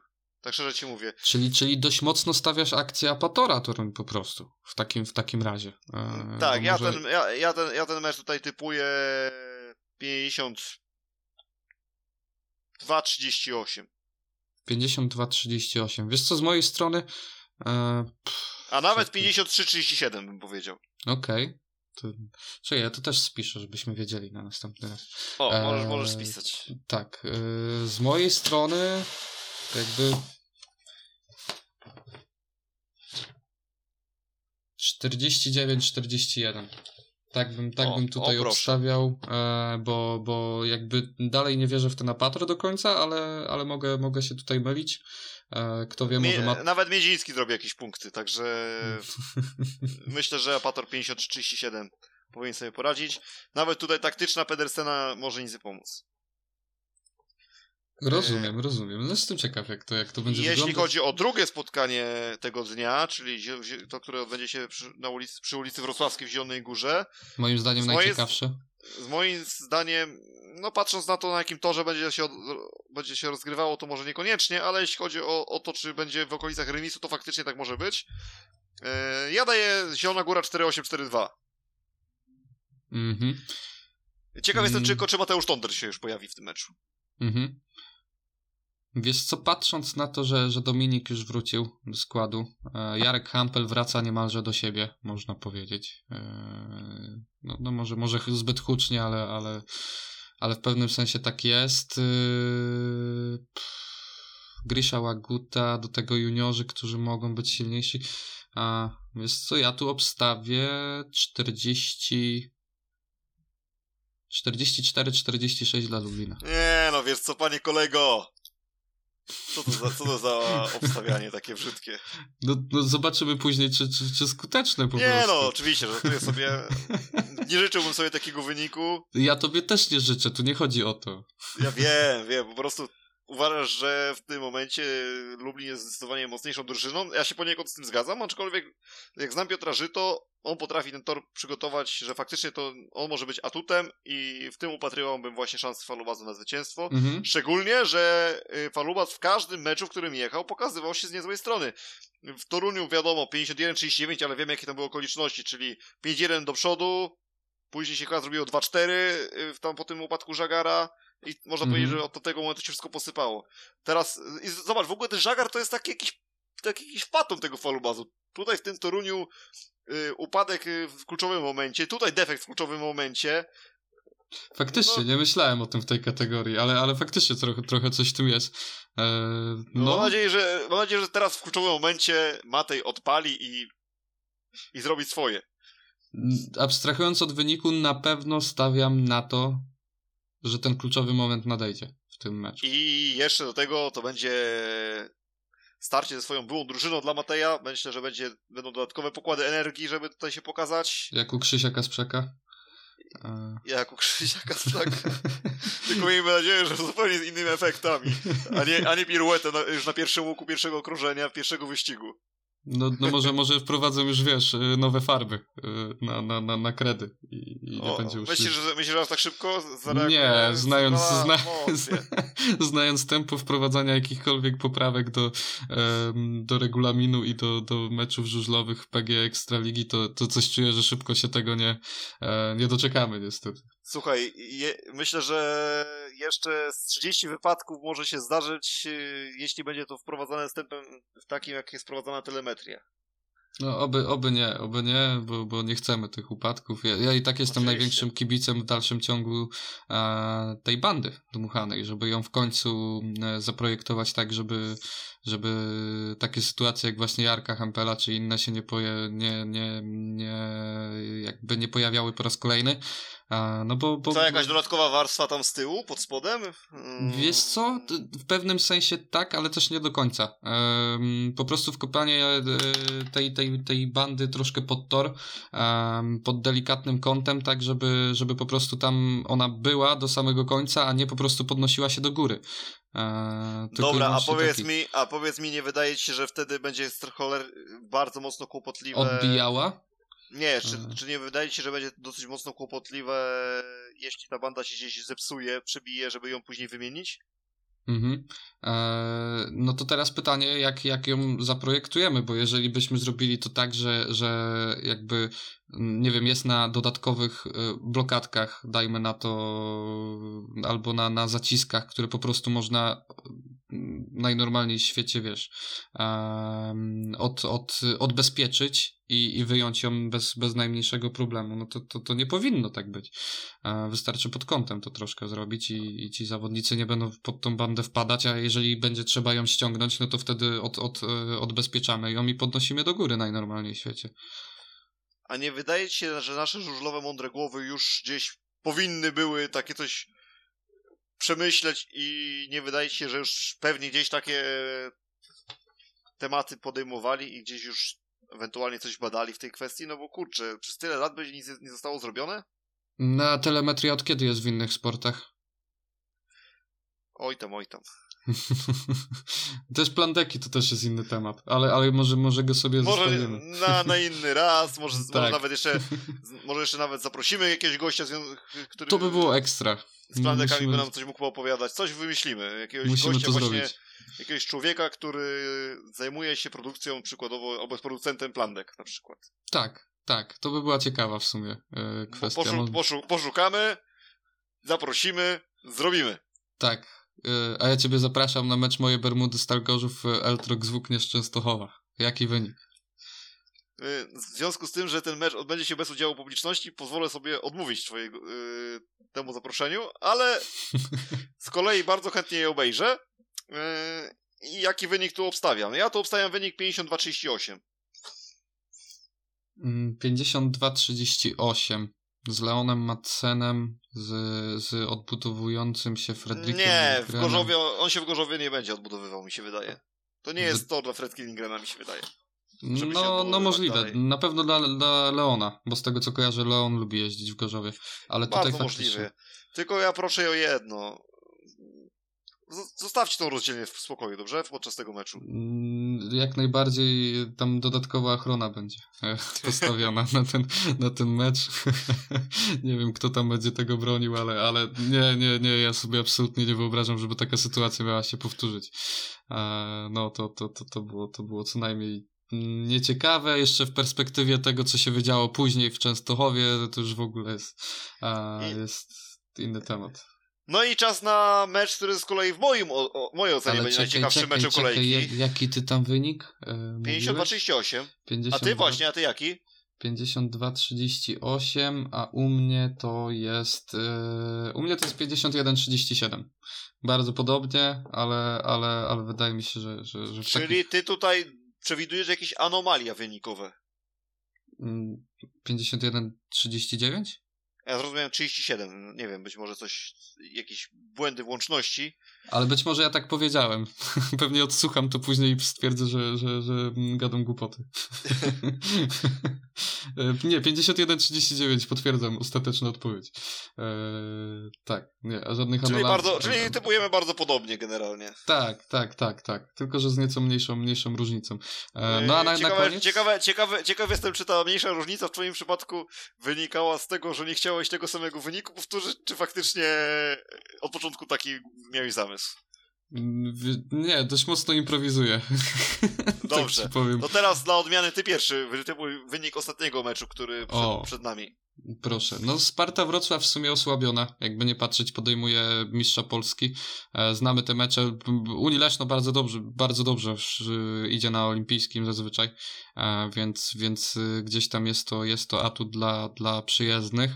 No, te osłabienie Taja Findena, mm, z tym, że juniorzy wydaje mi się, że we Wrocławiu będą, będą lepszą jakością po stronie Wrocławia. Hm, hm. Moim zdaniem ten mecz może zakończyć się wynikiem 48-42 dla Sparty. A ja pójdę w kierunku 45-45. Czyli No remisowo. Czyli To remisowo. będzie. Kurczę, ja nawet jestem skłonny powiedzieć, że to Leszno będzie zwycięzcą tego meczu, ale. Jednak patrząc na formę Macieja Janowskiego, Artema, Laguty, którzy będą mieli dwa razy po sześć biegów, yy, w związku z ZZ-ką Zataja, to myślę, że to może zrobić przewagę. No dobra, Mhm. wiadomo, teraz ten mecz akurat, yy, mówię, w formie. No wiadomo, że w Lublinie im nie poszło, ale jak sobie przypomnimy z kolei, jak jechali w Grudziądzu i jak jechali w pierwszej kolejce, no to, znaczy pierwszej, przepraszam, pierwszej w kolejności, czyli w drugiej kolejce. To myślę, że oni tutaj powinni jednak brylować, dlatego myślę, że koło remisu, chociaż kurczę, no brak taja to aż prosi się, No żeby, no, żeby dać aż na to Leszno, wiesz? A, chociaż ten Dan Bewley, wiesz, on, on może tutaj zaskoczyć znowu na tym na tym torze Znaczy, wrocławskim. ja bym tu upatrywał największej, największych znaków zapytania po obydwu stronach. W, po pierwsze osobie Gleba Czugunowa, szczerze mówiąc, e, a w przyjezdnych strzelam, że wiesz. Jason Doyle. Tak jest. Tak jest. Jeżeli tutaj Jason pojedzie na swojej optymalnej, e, na swoim optymalnym poziomie i do tego reszta drużyny pojedzie też, też gdzieś tam bez żadnych przygód e, dodatkowych, no to faktycznie to tutaj, tutaj Wrocław e, raczej, raczej się nie obroni, ale no, no to, to już jest ta kwestia tego, czy każdy powtórzy dobry wynik. No powiem ci tylko tyle, że generalnie juniorzy mimo tego, że wrocławcy pojechali tak samo w Grudziądzu, to jednak faktycznie przekonują mnie trochę bardziej niż ci leszczyńscy. Na plus po stronie Wrocławia. I właśnie no. to jest powód, dla którego ja nie daję jeszcze na Leszno, tylko daję ten remis, bo gdyby gdyby ci juniorzy byli w stronę Leszna, to zdecydowanie bym dał na Leszno, bo jednak no nie miał, nie, za mało argumentów miał, miał, miała Sparta, bo mhm. samym Lagutą Janowskim, no i być może, no też powiem ci, nie wiem naprawdę w jakiej formie jest ten Czugunow, wiesz? Bo tutaj pojechał dobry mecz niby w tym, w tym Lublinie, poradził sobie w miarę w tym yy, Grudziądzu, ale w pierwszej kolejce z tego co pamiętam jakoś super nie pojechał, prawda? Z, z no tak, tam, tam, tam był zdecydowanie pod, pod, yy, pod swoją formą. Jeszcze pamiętam, że rozmawialiśmy o tym, że, że Gleb jakby nie, nie, Więc... nie, nie błyszczał. Więc trudno powiedzieć, czego się spodziewać po tym Glebie, powiem ci szczerze. Tak, jeszcze na, na tle no, no, Unii Leszno, mistrz Polski przyjeżdża. Szczerze, szczerze powiedziawszy, na miejscu kibiców wsparty chyba był delikatnie bardziej spokojny jednak o Daniela Biuleja niż o właśnie mhm. niż właśnie o Gleba. Jakieś, takie jakieś mam odczucie, ale może się kompletnie mylę. Dobrze, Damianie, czy to jest wszystko na dzisiaj? Bo wydaje mi się, że już pobiliśmy w tym momencie rekord i jestem chyba tego rekordu praktycznie pewny. Mi się wydaje, że, że jeszcze nie, ale później to sprawdzimy. Tak, z mojej strony to wszystko. Z twojej chyba też, tak? Tak, y, powiem mhm. ci tak. Y, wydaje mi się, że no mieliśmy prawo pobić rekord, bo były jeszcze dwa dodatkowe zaległe mecze i to jakby spotęgowało. Dlatego wolałem się skupić na, na, tej poprzedniej kolejce, ale dobrze, w sobie, w sobie wszystkie, wszystkie wydarzenia, jakby nie patrzeć, e, obskoczyliśmy, więc, więc może, może to i na plus. I co, za tydzień chyba widzimy się co, w trzyosobowym składzie? Jakiegoś gościa zaprosimy? Postaramy się, zobaczymy, zobaczymy, czy się uda, e, ale, ale fajnie by było, bo, bo zawsze to jest jakieś urozmaicenie e, i, i fajnie by było usłyszeć po prostu e, kogoś, kogoś z zewnątrz albo z wewnątrz. Powiedz, ile można nas słuchać? Tak, tu ja się zgodzę, bo, bo czasami ja już po prostu e, nie wytrzymuję e, tego, te, te, te, tego słuchania później podcastu, kiedy, kiedy muszę go obrobić, ale mam nadzieję, że to, e, to jakby e, tylko moje wrażenie, zawsze swój głos się troszkę inaczej słyszy, tak więc mam nadzieję, że jednak, jednak e, ktoś tam nas jest w stanie wysłuchać do samego końca. I cóż, i, i w takim razie dziękuję Ci wielkie za to, że e, dziękuję Ci bardzo za to, że, że tutaj znowu znowu, zgodziłeś się spędzić ze mną tyle, e, tyle czasu. No ja tobie również dziękuję e, i dziękuję jeszcze bardziej tym wszystkim, którzy mają cierpliwość posłuchania. Być może ktoś się zastanowi nad tymi niektórymi tematami, które tutaj porusz poruszamy. Generalnie większość z nich nie jest jakimiś bardzo nowymi tematami, ale przykładowo tak jak ty mnie się zaskoczyłeś przykładowo tym Krzysiem Kacprzakiem, który zawsze przywozi zero po tym, jak jedzie na jednym kole na, na linię startu, to już jest dla mnie na przykład też coś nowego. Jakaś wartość dodana w tym wszystkim. Tak jest. Dobra. Także, także dziękujemy i do usłyszenia. Dzięki wielkie, trzymajcie się i do usłyszenia za tydzień. Miłej kolejki.